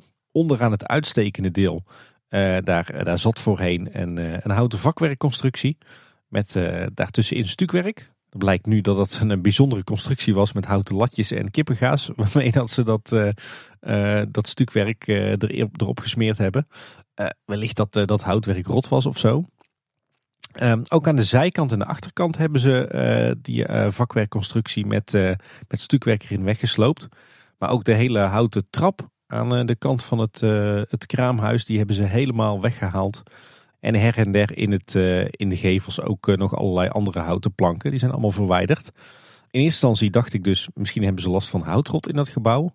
Maar het zou ook zomaar kunnen zijn dat er sprake is geweest van houtborende insecten, zoals dat dan zo mooi heet. Dus wellicht dat ze daar eh, last hebben gehad van de houtworm of de, de boktor of de bonte knaagkever, om er maar zo'n paar te noemen. Uh, dat zou natuurlijk kunnen verklaren waarom het gebouwtje zo lang uh, hermetisch afgesloten is geweest. En waarom ze er nu ineens zo, zo'n groot onderhoud aan uitvoeren. de stalen leuningen en de boutjes en moertjes van de, de grote trap aan de kraamhuiszijde, die, die worden hergebruikt, die zijn apart gelegd. En wat we verder nog zien is dat ook de verlichtingsarmaturen uit elkaar worden gehaald en worden nagekeken dat er ehm, het groen rond een deel van het, uh, het lonkhuis verwijderd is. Evenals de houten schuttingen op eh, de laafmuur. Maar het lijkt erop dat die zijn weggehaald uh, zodat ze stijgers kunnen plaatsen. Want op het moment van opnemen zijn ze druk bezig om het hele gebouw in de stijgers te zetten. Kortom, ja, echt een, een grote beurt voor het lonkhuis. Loopings heeft trouwens nog even navraag gedaan bij de Efteling. Maar er wordt verder geen onderhoud aan andere huisjes in het Lavelaar meer uitgevoerd. Nou valt me toch wel op de laatste jaren dat ze dit uh, ja, heel erg gefaseerd doen. Hè? Dat er ieder jaar wel één of twee huisjes aan de beurt komen. Wat wel nog opviel is dat het, uh, het nieuwe waterrad van Las Brouwhuis het eindelijk doet. Alleen volgens mij moeten ze daar nog een beetje met de, de frequentie van de motor tweaken. Want dat ding dat draait nu met een noodgang rond. En dat is natuurlijk niet de bedoeling. Ja, we hadden het net trouwens al even over speeltuin kindervreugd. Een aantal dingen die daar zijn gemaakt. Maar uh, wat daar ook nog opvalt is dat het uh, een van de bankjes in de apenmolen is afgezet. Daar uh, is het houtwerk kapot van. Door naar het Sprookjesbos. een aantal interessante dingen daar. Er wordt nog steeds hard gewerkt bij Pinocchio. De monstervis die staat daar nog helemaal in de stijgers. Die is inmiddels geschilderd en ingeschaduwd. dus hopelijk kan de stijger daar binnenkort weg. En dan ziet die vis er weer uit als nieuw. En er was een luisteraar die viel het ook nog op dat uh, ook de schildering op het, uh, het huisje bij de Vos en de Kat opnieuw is uh, aangebracht. Dat is zeg maar dat huisje waar vroeger kapitein Gijs in stond. En een heel mooi onderhoudsproject natuurlijk bij de Indische waterlelies. Daar zijn inmiddels eindelijk alle nieuwe flagstones gelegd. op het paadje zeg maar, vanaf het Herautenplein naar de ingangsgrot. En hoogstwaarschijnlijk ook op het hele binnenplein zelf. Dat kunnen we natuurlijk niet zien. Um, dat was een project dat stond al heel lang op de rol. Alleen het werd telkens uitgesteld en geannuleerd omdat het uh, niet mogelijk was om aan uh, ja, zeg maar stenen te komen die uh, heel erg goed leken op wat er, wat er sinds 1966 lag. En des te verrassender was het eigenlijk dat de, de, de waar ze nu voor hebben gekozen, die ze nu hebben aangekocht, dat die ontzettend goed lijken op de oorspronkelijke tegels daar. want er liggen niet zomaar die terracotta flagstones die je overal in de Efteling ziet. Nee, er ligt eigenlijk een, uh, ja, een mengelmoes aan allerhande tinten van uh, natuursteen flagstones. lichtgeel, donkergeel, donkerblauw. Er ligt zelfs wat rood doorheen. Heel erg gemêleerd en ook best wel kleurrijk. Maar ehm, ja, volgens mij, wat ik me kan herinneren, is dit een beetje de kleurencombi die er, die er vroeger altijd lag. En die langzaam maar zeker is, is vervaagd door al die flexzones die kapot zijn gegaan door de vorst en door slijtage. Ja, en dit vloertje, dat ziet er echt prachtig uit. Echt grote complimenten voor de Efteling dat ze dit nu uh, eindelijk na al die jaren hebben, hebben aangepakt. En dat er gewoon een, uh, een gloednieuwe tegelvloer in ligt. Maar die echt uh, bijzonder goed lijkt op, op wat er in het verleden lag. Heel goed gedaan. Van strakke verhouding wordt meneer Ins altijd blij. Absoluut, absoluut. Overigens zijn de flexzones inmiddels ook allemaal netjes gevoegd. En volgens mij laat ze nu nog een tijdje afgezet, zodat het allemaal netjes kan uitharden. Dat het niet meteen weer kapot wordt gelopen en gereden. Verder viel nog op in het Sprookjesbos dat er her en der wat werd gesnoeid tijdens de openingstijd. Maar volgens mij hebben ze nu ook kettingzagen op elektriciteit in plaats van benzine. Dus dan kan je dat redelijk doen zonder overlast. Dat hoor je bijna niet. de schild en de hellebaard van de wachter van Doornroosje die uh, liggen weer netjes op de plek waar het hoort. De vorige keer melden we dat dat allemaal een beetje rommelig was en omgevallen. En Rapontje die was ook nog een tijdje de grip op haar vlecht kwijt. Maar inmiddels is dat ook alweer hersteld. En dan gaan we nog even snel een kijkje nemen buiten het park in de wereld van de Efteling. En wat daar nog opviel is dat een van de woningen van de Efteling in het, buurtschapje Bernse Hoef, namelijk de voormalige varkenshouderij, die wordt momenteel gerenoveerd.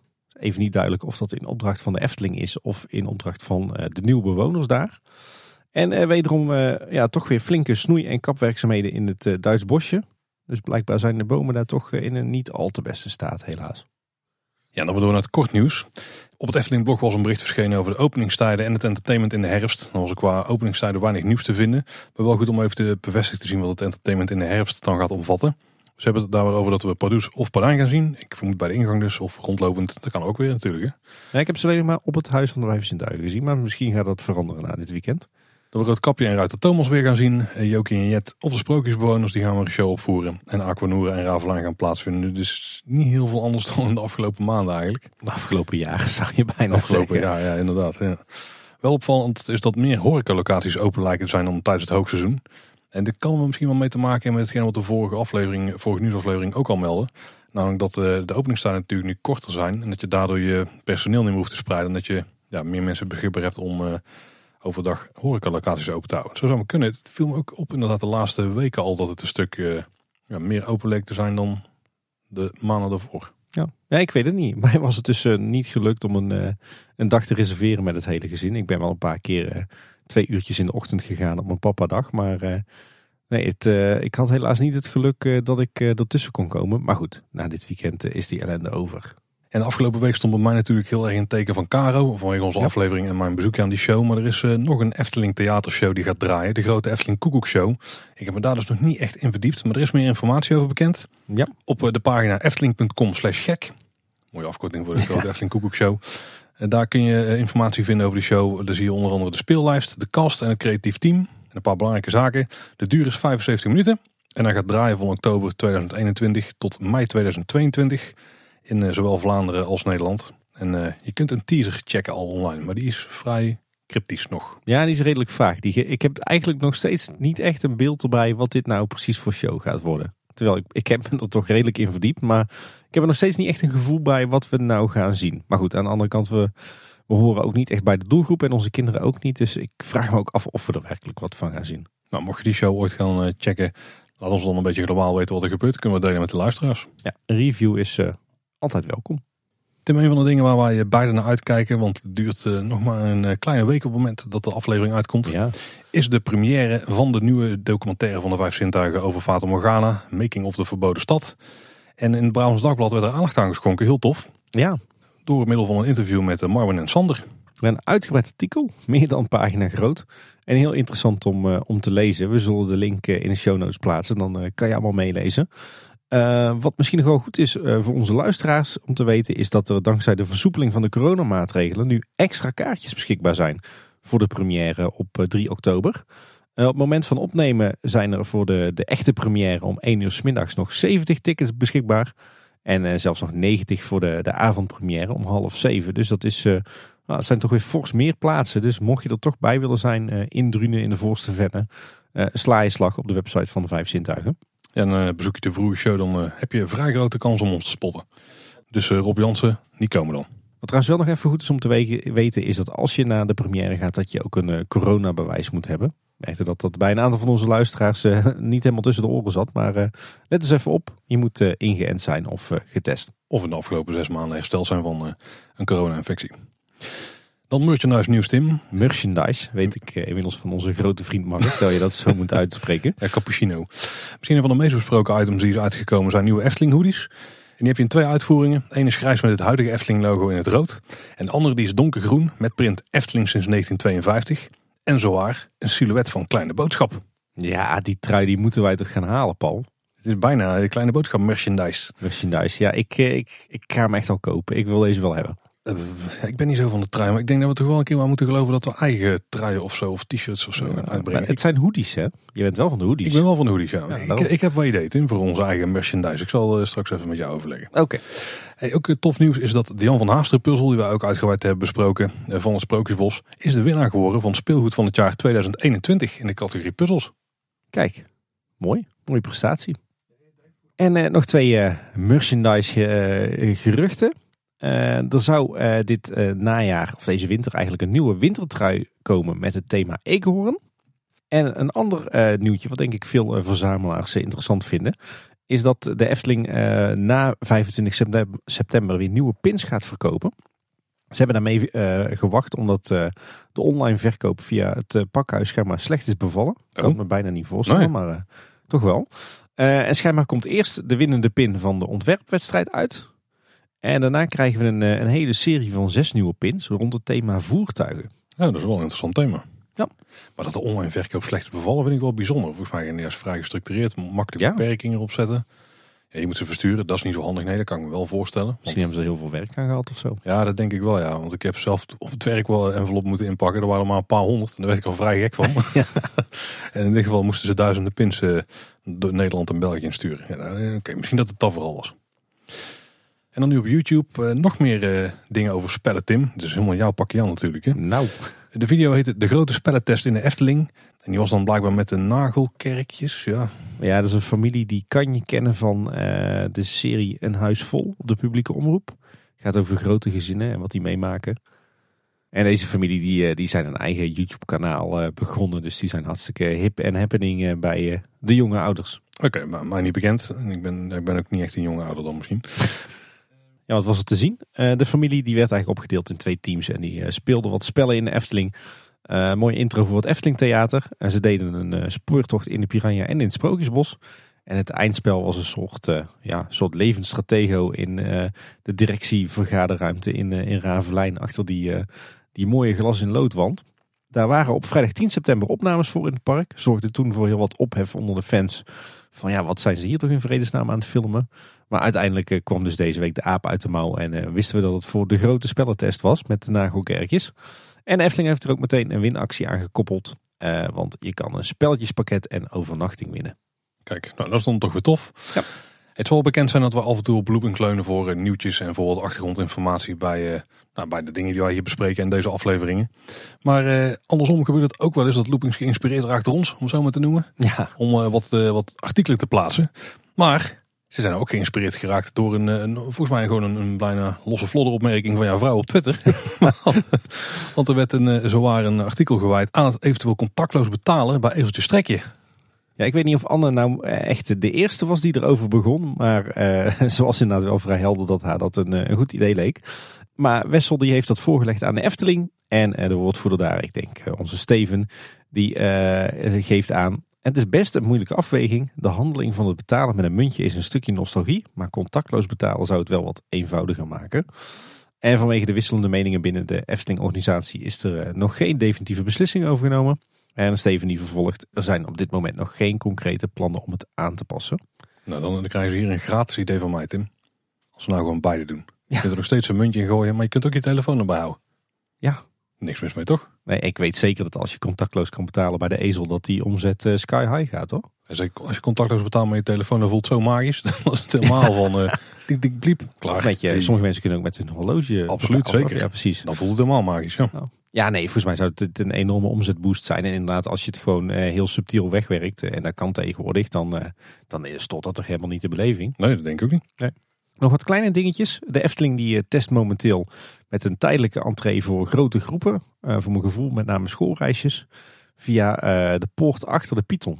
Het is de poort waar nu de, de tijdelijke personeelsingang zit. Of tenminste die personeelsingang voor de parkeerplaats die aan eh, ja, op de oude hoogste eigenlijk staat. Ja, die zit daar net naast. Daar hebben ze zo'n aparte poort gemaakt met een eh, kaartlezer. Maar dit is volgens mij de calamiteitenpoort. Oh, die eh, grote poort. Ja, Die op het veld uitkomt daar met eh, de dennen, met de naaldboom. ja. ja een, beetje, een beetje twijfelachtig. Ik snap het ene, aan de ene kant wel met al die eh, enorme busladingen, scholieren en eh, de drukte bij de hoofdentree. En dan ook nog eens eh, de coronaregels dat ze het wat willen scheiden. Aan de andere kant, je hebt wel echt een, een hele minderwaardige entree. Zo, Als je via een of andere dienstpoort het park wordt binnengelaten. Dan zie je de, de back of the house van de Oost en die tijdelijke toiletgroep. En de technische ruimte van de Python. Dat is nou niet echt... Back of the house van de Oostzee, die is ook wel redelijk weggewerkt. eh, ja, dat is waar. Maar het is, je komt op een veld inderdaad, een beetje modderig daar altijd. Ja, nee, dat is inderdaad niet... eh, niet de een waardige plus. entree voor de Efteling. Dus laten we hopen dat het echt iets, eh, iets tijdelijks is, alleen vanwege corona. En dat we hier snel, snel afscheid van kunnen nemen. En nog meer goed nieuws trouwens voor de Efteling abonnementhouders. 4 december 2021 was eh, in eerste instantie zo'n dag dat je niet het park in zou kunnen met je abonnement. Maar je hebt toch toegang op die dag. Ja, die hebben ze nu al vrijgegeven. Heel netjes. En de Golden Ticket Awards 2021 die zijn ook weer uitgereikt. Er zijn prijzen die het tijdschrift Amusement Today uitschrijft. Ja, uit Amerika. Ja, en die gebruiken volgens mij een vakjury. Dus dat is wel iets beter dan eh, een aantal andere awards die we wel eens aanhalen. Europa Park was daar denk ik wel de grote winnaar. Die had vrij veel awards in de wacht gesleept, waaronder het beste park ter wereld. Ja, Fantasieland deed overigens ook heel goed. Eh, De Efteling eh, heeft natuurlijk ook wel wat gewonnen. Tenminste gewonnen. De tweede plek voor het mooiste park. Na Dollywood. Dat vind ik wel bijzonder. Ben er nooit geweest. Dollywood wil ik al heel graag heen trouwens ooit een keer. Ja, ik ben er ook nog nooit geweest. Ik heb er ook niet veel van gezien. Maar ja, plek. Ja, het ligt in een natuurpark. Hè. In, een Pigeon, of in eh, de Smoky Mountains volgens mij. In Pigeon Forge. eh, ergens in de stad. Ja, je bent goed geïnformeerd, eh, Paultje. Ja, zeker. Dollywood wil ik echt nog heel graag een keer naartoe. En eh Busch Gardens, daar zijn ze wel dan wel voor gebleven. En ook Europa Park. Ik denk dat Efteling het vooral van de natuur. En eh, dit jaar misschien nog niet de bloemenpracht. Maar normaal gesproken het daar wel van moeten hebben. En dat het natuurlijk qua vormgeving eh, enorm mooi is. Een landschapspark, hè. Nou, ik vind het wel bijzonder dat hier dan geen Disney park in het rijtje stond. Ik had een Animal Kingdom of een, een, een Tokyo park ook wel verwacht. Ja, ik denk dat dit dan toch vooral focust op de, de landscaping. Ja, ik denk het. Ja. Eh, Nest die stond op plek 4 voor beste kids area. Nou, ook voor een nieuwkomer best, best aardig. Verder weinig noemenswaardigs voor de Eftelingen. Iemand eh, die ook in de prijs is gevallen is eh, Ruud Bos. Hey, oud-componist van de Efteling. Heeft eh, de Buma Stemra Oeuvre Multimedia Award gekregen. Voor eigenlijk zijn eh, gehele loopbaan. ik denk niet dat ze die snel gaan uitreiken aan Maarten Hartveld. Maar dat is vooral vanwege de organisatie achter de prijs in dit Ja. geval. Ja, ik denk verdiende prijs eh, voor Ruud Bos. Ik, ik las een opsomming op nu van wat hij allemaal heeft gedaan. Werd trouwens de Efteling ook heel netjes tussen genoemd met een aantal van zijn muziekstukken. Maar ja, die man heeft zo'n enorm groot en breed oeuvre. Dat is eh, eh, heel indrukwekkend. Zeker, ja. Dan eh, iets heel anders. Een luistertip. Ehm, luister ook eens naar de nieuwe podcast van 0 tot 8 baan. Helemaal gewijd aan achtbanen in Nederland. En hun achtste aflevering, die ging over Bron 1898. Het is echt een enorm uitgebreide aflevering geworden. Van een kleine boodschaplengte zou je bijna kunnen zeggen. En ja, super interessant. En het Brabants Dagblad, Tim, hè, dat, dat stuk eh, dode boom wat jij iedere ochtend eh, dan eh, tot je neemt. Daar, Met plezier. Daar hebben een serie over de Midden-Brabantweg. En alles wat daar zich langs plaatsvindt. Tenminste, alle interessante zaken. Wat trouwens ook bij stond een artikel over de tv-toren die daar staat. De Ja. radio- en tv-toren. Dat ding is dan 150 meter hoog. Ja, Dan krijgen we nou toch weer. volgens mij is de Efteling ooit in de race geweest om de eigenaar van te worden. Ja? Ja, ik kan me nog artikelen van herinneren. Nou, nou, dat was in ieder geval eh, vrij interessant. Daar stond heel veel in wat ik absoluut niet wist. Maar het Efteling Hotel wordt daarbij ook genoemd. Een vrij prominent object natuurlijk langs de Midden-Brabantweg. Eh door middel van een mini-interview met Ronald Donkers. Hè, ons wel bekend van Kleine Boodschap 200. Ronald zegt daarin, na 30 jaar heeft het hotel nog altijd iconische waarde. Al in 2021 zou de invulling van de omgeving anders zijn. Het hotel staat nu los van het park. Oeh, je krijgt een beetje vooruitblik, Tim. Ja. En past niet meer in de visie waarin de beleving centraal staat. Dergelijke grootschalige projecten moeten worden ingepast in een immersieve wereld. Ook de omgeving moet helemaal kloppen bij het thema. Hint, hint. Heel veel Ja. knipoogjes. Strookrijk. Ja. Hans Circus Balancé. Reizenrijk, ja, ja. ja zeker, zeker. Hij zegt ook nog namelijk, weliswaar staat het Efteling Hotel nu los van het attractiepark, maar dat kan veranderen. Kan. Uh-huh. er ligt een mooie creatieve uitdaging voor de ontwerpers om het Efteling Hotel nog meer te integreren in het geheel. Uh-huh. Die zal er nog liggen, ja, die ja. uitdaging. is dus uh, volop bevestiging van de ja, toch wel hele sterke geruchten dat het Efteling Hotel in de toekomst midden in het park zal liggen. Goed om hier een bericht aan te halen wat wij vrij vaak toegestuurd hebben gekregen. Er is een liefhebber, ik weet niet wie exact, maar die heeft een, wat impressies gemaakt van wat zijn visie is op wat de reisrijk uitbreiding zou kunnen worden. Ziet er heel goed uit. Uh, en daardoor hebben we toegestuurd gekregen omdat mensen dachten dat dit uh, gelekte informatie was of iets echt of zo. Uh, maar die plannen die gaan dus over de reisrijkuitbreiding. Daar zie je Grand Circus Balancé met de achtbanen en een paar andere tenten waar wat invullingen in zijn zitten. die, die zijn gebaseerd op die riooltekening die we ook tevoorschijn hebben getoverd. Tenminste, daar, daar matcht de plattegrond echt één op één mee. En wat eigen interpretatie daaraan en wat geruchten die al zijn opgevangen. Maar dat zijn niet de plannen zoals ze uiteindelijk uitgevoerd worden. Dus zeker een goede impressie van wat er zou kunnen komen. Maar het is niet wat er gaat komen. Even goed om daar bij te zeggen. En het is ons bekend ja, dat die plannen rondzweven. Ja. zijn plan. Ja, maar het is echt uh, armchair engineering. Zeker, ja. Wel tof gedaan. Ja, en dan beginnen de evenementen ook weer een beetje te, te lopen. Ja. Uh, zoals er rond 16 eh, september een uh, groot evenement rond de Aquanura vijver. we hebben er niet veel van kunnen zien, maar wat we begrepen was het waarschijnlijk de presentatie van een ontwerp. Misschien Efteling intern. er werd wat gehint naar de wereld van Simbad, maar het zou natuurlijk ook gewoon een, een externe presentatie kunnen zijn. En op 23 en 24 september kondigde de Efteling aan uh, waar er eh, evenementen na sluitingstijd van uh, eh, 7 tot 11 uur s avonds met een feestelijk programma met attracties en muziek. Dus het klinkt echt weer als de ouderwetse avond uitkopen hè, voor bedrijven. Ja, ik heb nog niks van, van meegekregen eigenlijk. Dus ik ben benieuwd waar dit voor is. Het is niks interns hè? Nee. Er waren wel interne evenementen voor, voor het personeel. er is bijvoorbeeld een viswedstrijd geweest. Ja, ja. ja. En een foute bingo. Dat was de viswedstrijd op de Siervijver geloof ik. Ja, volgens mij wel ja. Ja, ja cool. Eigenlijk best wel tof. Vanuit je gondolettenbootje een beetje vissen. ja, zou dat idee zijn geweest. Net zoals de kabouter in het kabouterdorp. Ja. Uh, ook nog leuk is dat een uh, bekende Duitse celliste, uh, ze heet Rafaela Gromes, die heeft ehm, tijdens de coronasluiting een videoclip opgenomen in de Efteling. En uh, het Sprookjesbos was daarin het eh, decor voor uh, haar vertolking van de Sleeping Beauty Waltz van Tchaikovsky. de videoclip duurt bijna vier minuten. En er is onder meer gefilmd bij het kasteel van Noorroosje. Bij de Kikkerfontein op het Herautenplein. Bij de Draak, bij de Wolf en de Zeven Geitjes. En tot slot ook op het plein voor Symbolica. Hele mooie beelden. En we zullen even een, een linkje plaatsen naar de video op YouTube. Ziet er prachtig uit en ook ontzettend mooie muziek. Ja, dan zijn er ook weer een berg vacatures die openstaan. Op dit moment 36. We hebben een kleine selectie van de interessantste, Tim. Ja, ik heb er mijn, eh, mijn best weer op gedaan. Wat zoeken ze zo al? Een operationeel teamlead attracties. En uh, coördinator integraal ontwerp. Dat is een hele leuke. Dan word je zeg maar de nieuwe Jaap den Bleker of de nieuwe Peter Koppelmans. Oh, nieuwe Peter Koppelmans? Ja. Dat is wel bijzonder. nou, oké, oké. Uh, ze zoeken ook een uh, teamlead planning en beheer. Wat we daar straks al uh, aanha aanhaalden. Hè. Dan word je hoofd van de afdeling met maar liefst 17 medewerkers die, die de onderhoudsplanningen maakt voor de Efteling onder meer. En ze zoeken ook een teamlead voor beveiliging en hulpverlening. Dan mag je bezig met brandjes en noodverlichting. Dan zoeken ze nog een werkvoorbereider werktuigbouwkunde. Lijkt me ook een hele boeiende functie. Een interim social media specialist. En een procesanalist op het contactcenter. En verder nog een heleboel uh, functies in uh, de operatie, zoals dat dan zo mooi uh, heet. Zo zoeken ze volop medewerkers voor de horeca in het park en de hotels en resorts. En ook een, een hoop in de retail. En ze zoeken ook een heleboel mensen voor de retail. zowel in de winkels als de buitenverkopen als de fotopunten.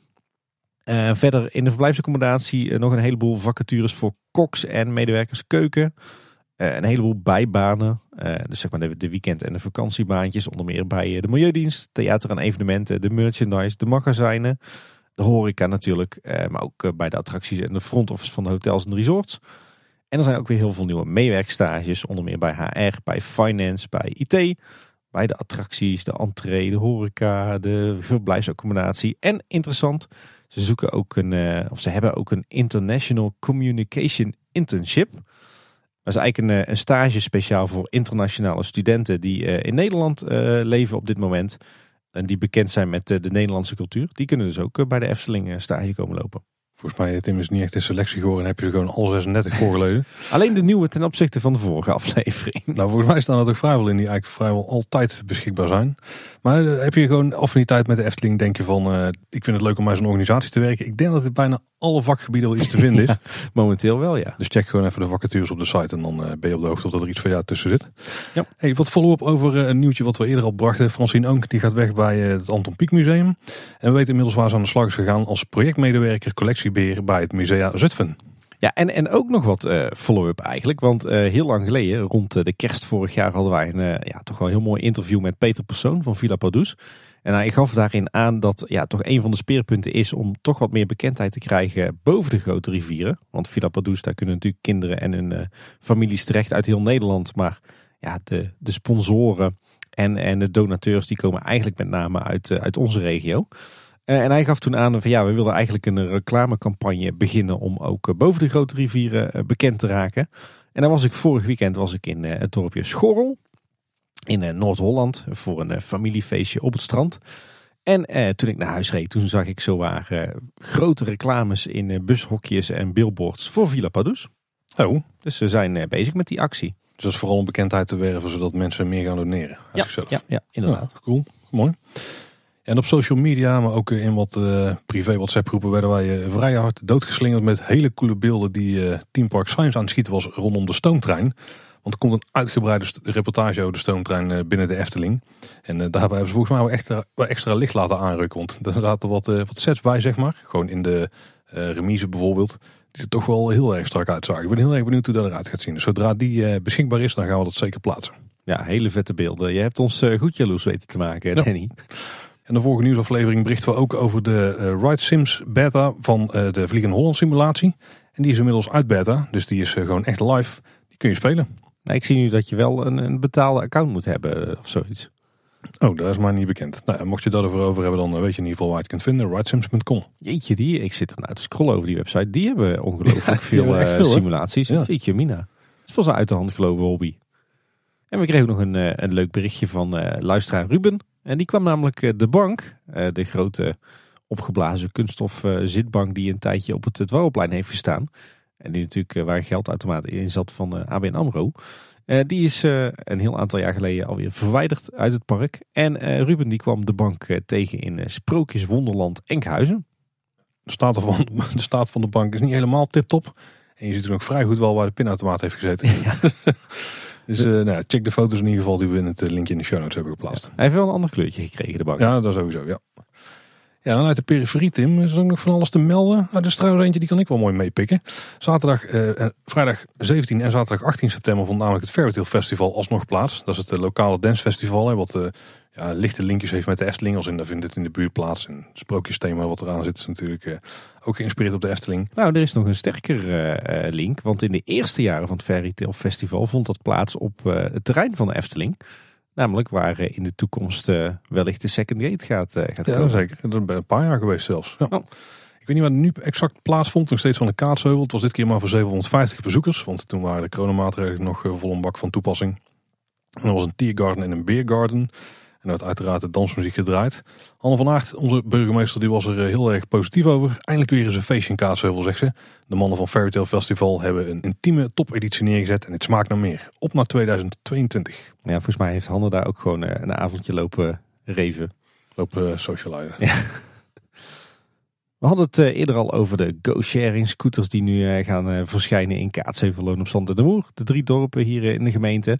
En inmiddels is het uh, besluit genomen dat uh, dat uh, vanaf oktober gaat lopen met 50 scooters. En als, er, als het heel populair is, dan wordt het er zelfs 100.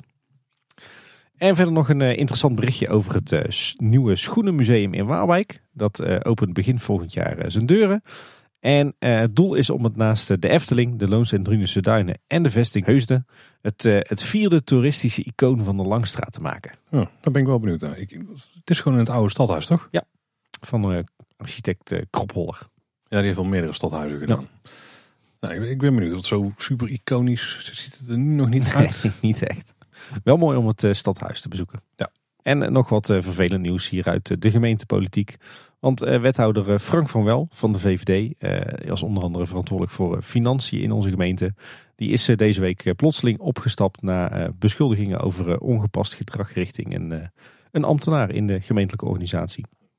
En daar komen we uit bij onze befaamde rubriek en dan nog dit. Nou, ik heb eigenlijk, eigenlijk, niks, Tim. Behalve dan één vooraankondiging. Er komt een buitenwereld aan over onze afgelopen vakanties kun je binnenkort luisteren op kleineboodschap.com slash de buitenwereld of in je podcast hebt. Dus zoek hem daar alvast even op. Zorg dat je abonneert. Dan komen die avonturen vanzelf daar terecht. Kijk, mooi. Ja, Tim, heb jij nog wat uh, interessante dingen gedaan?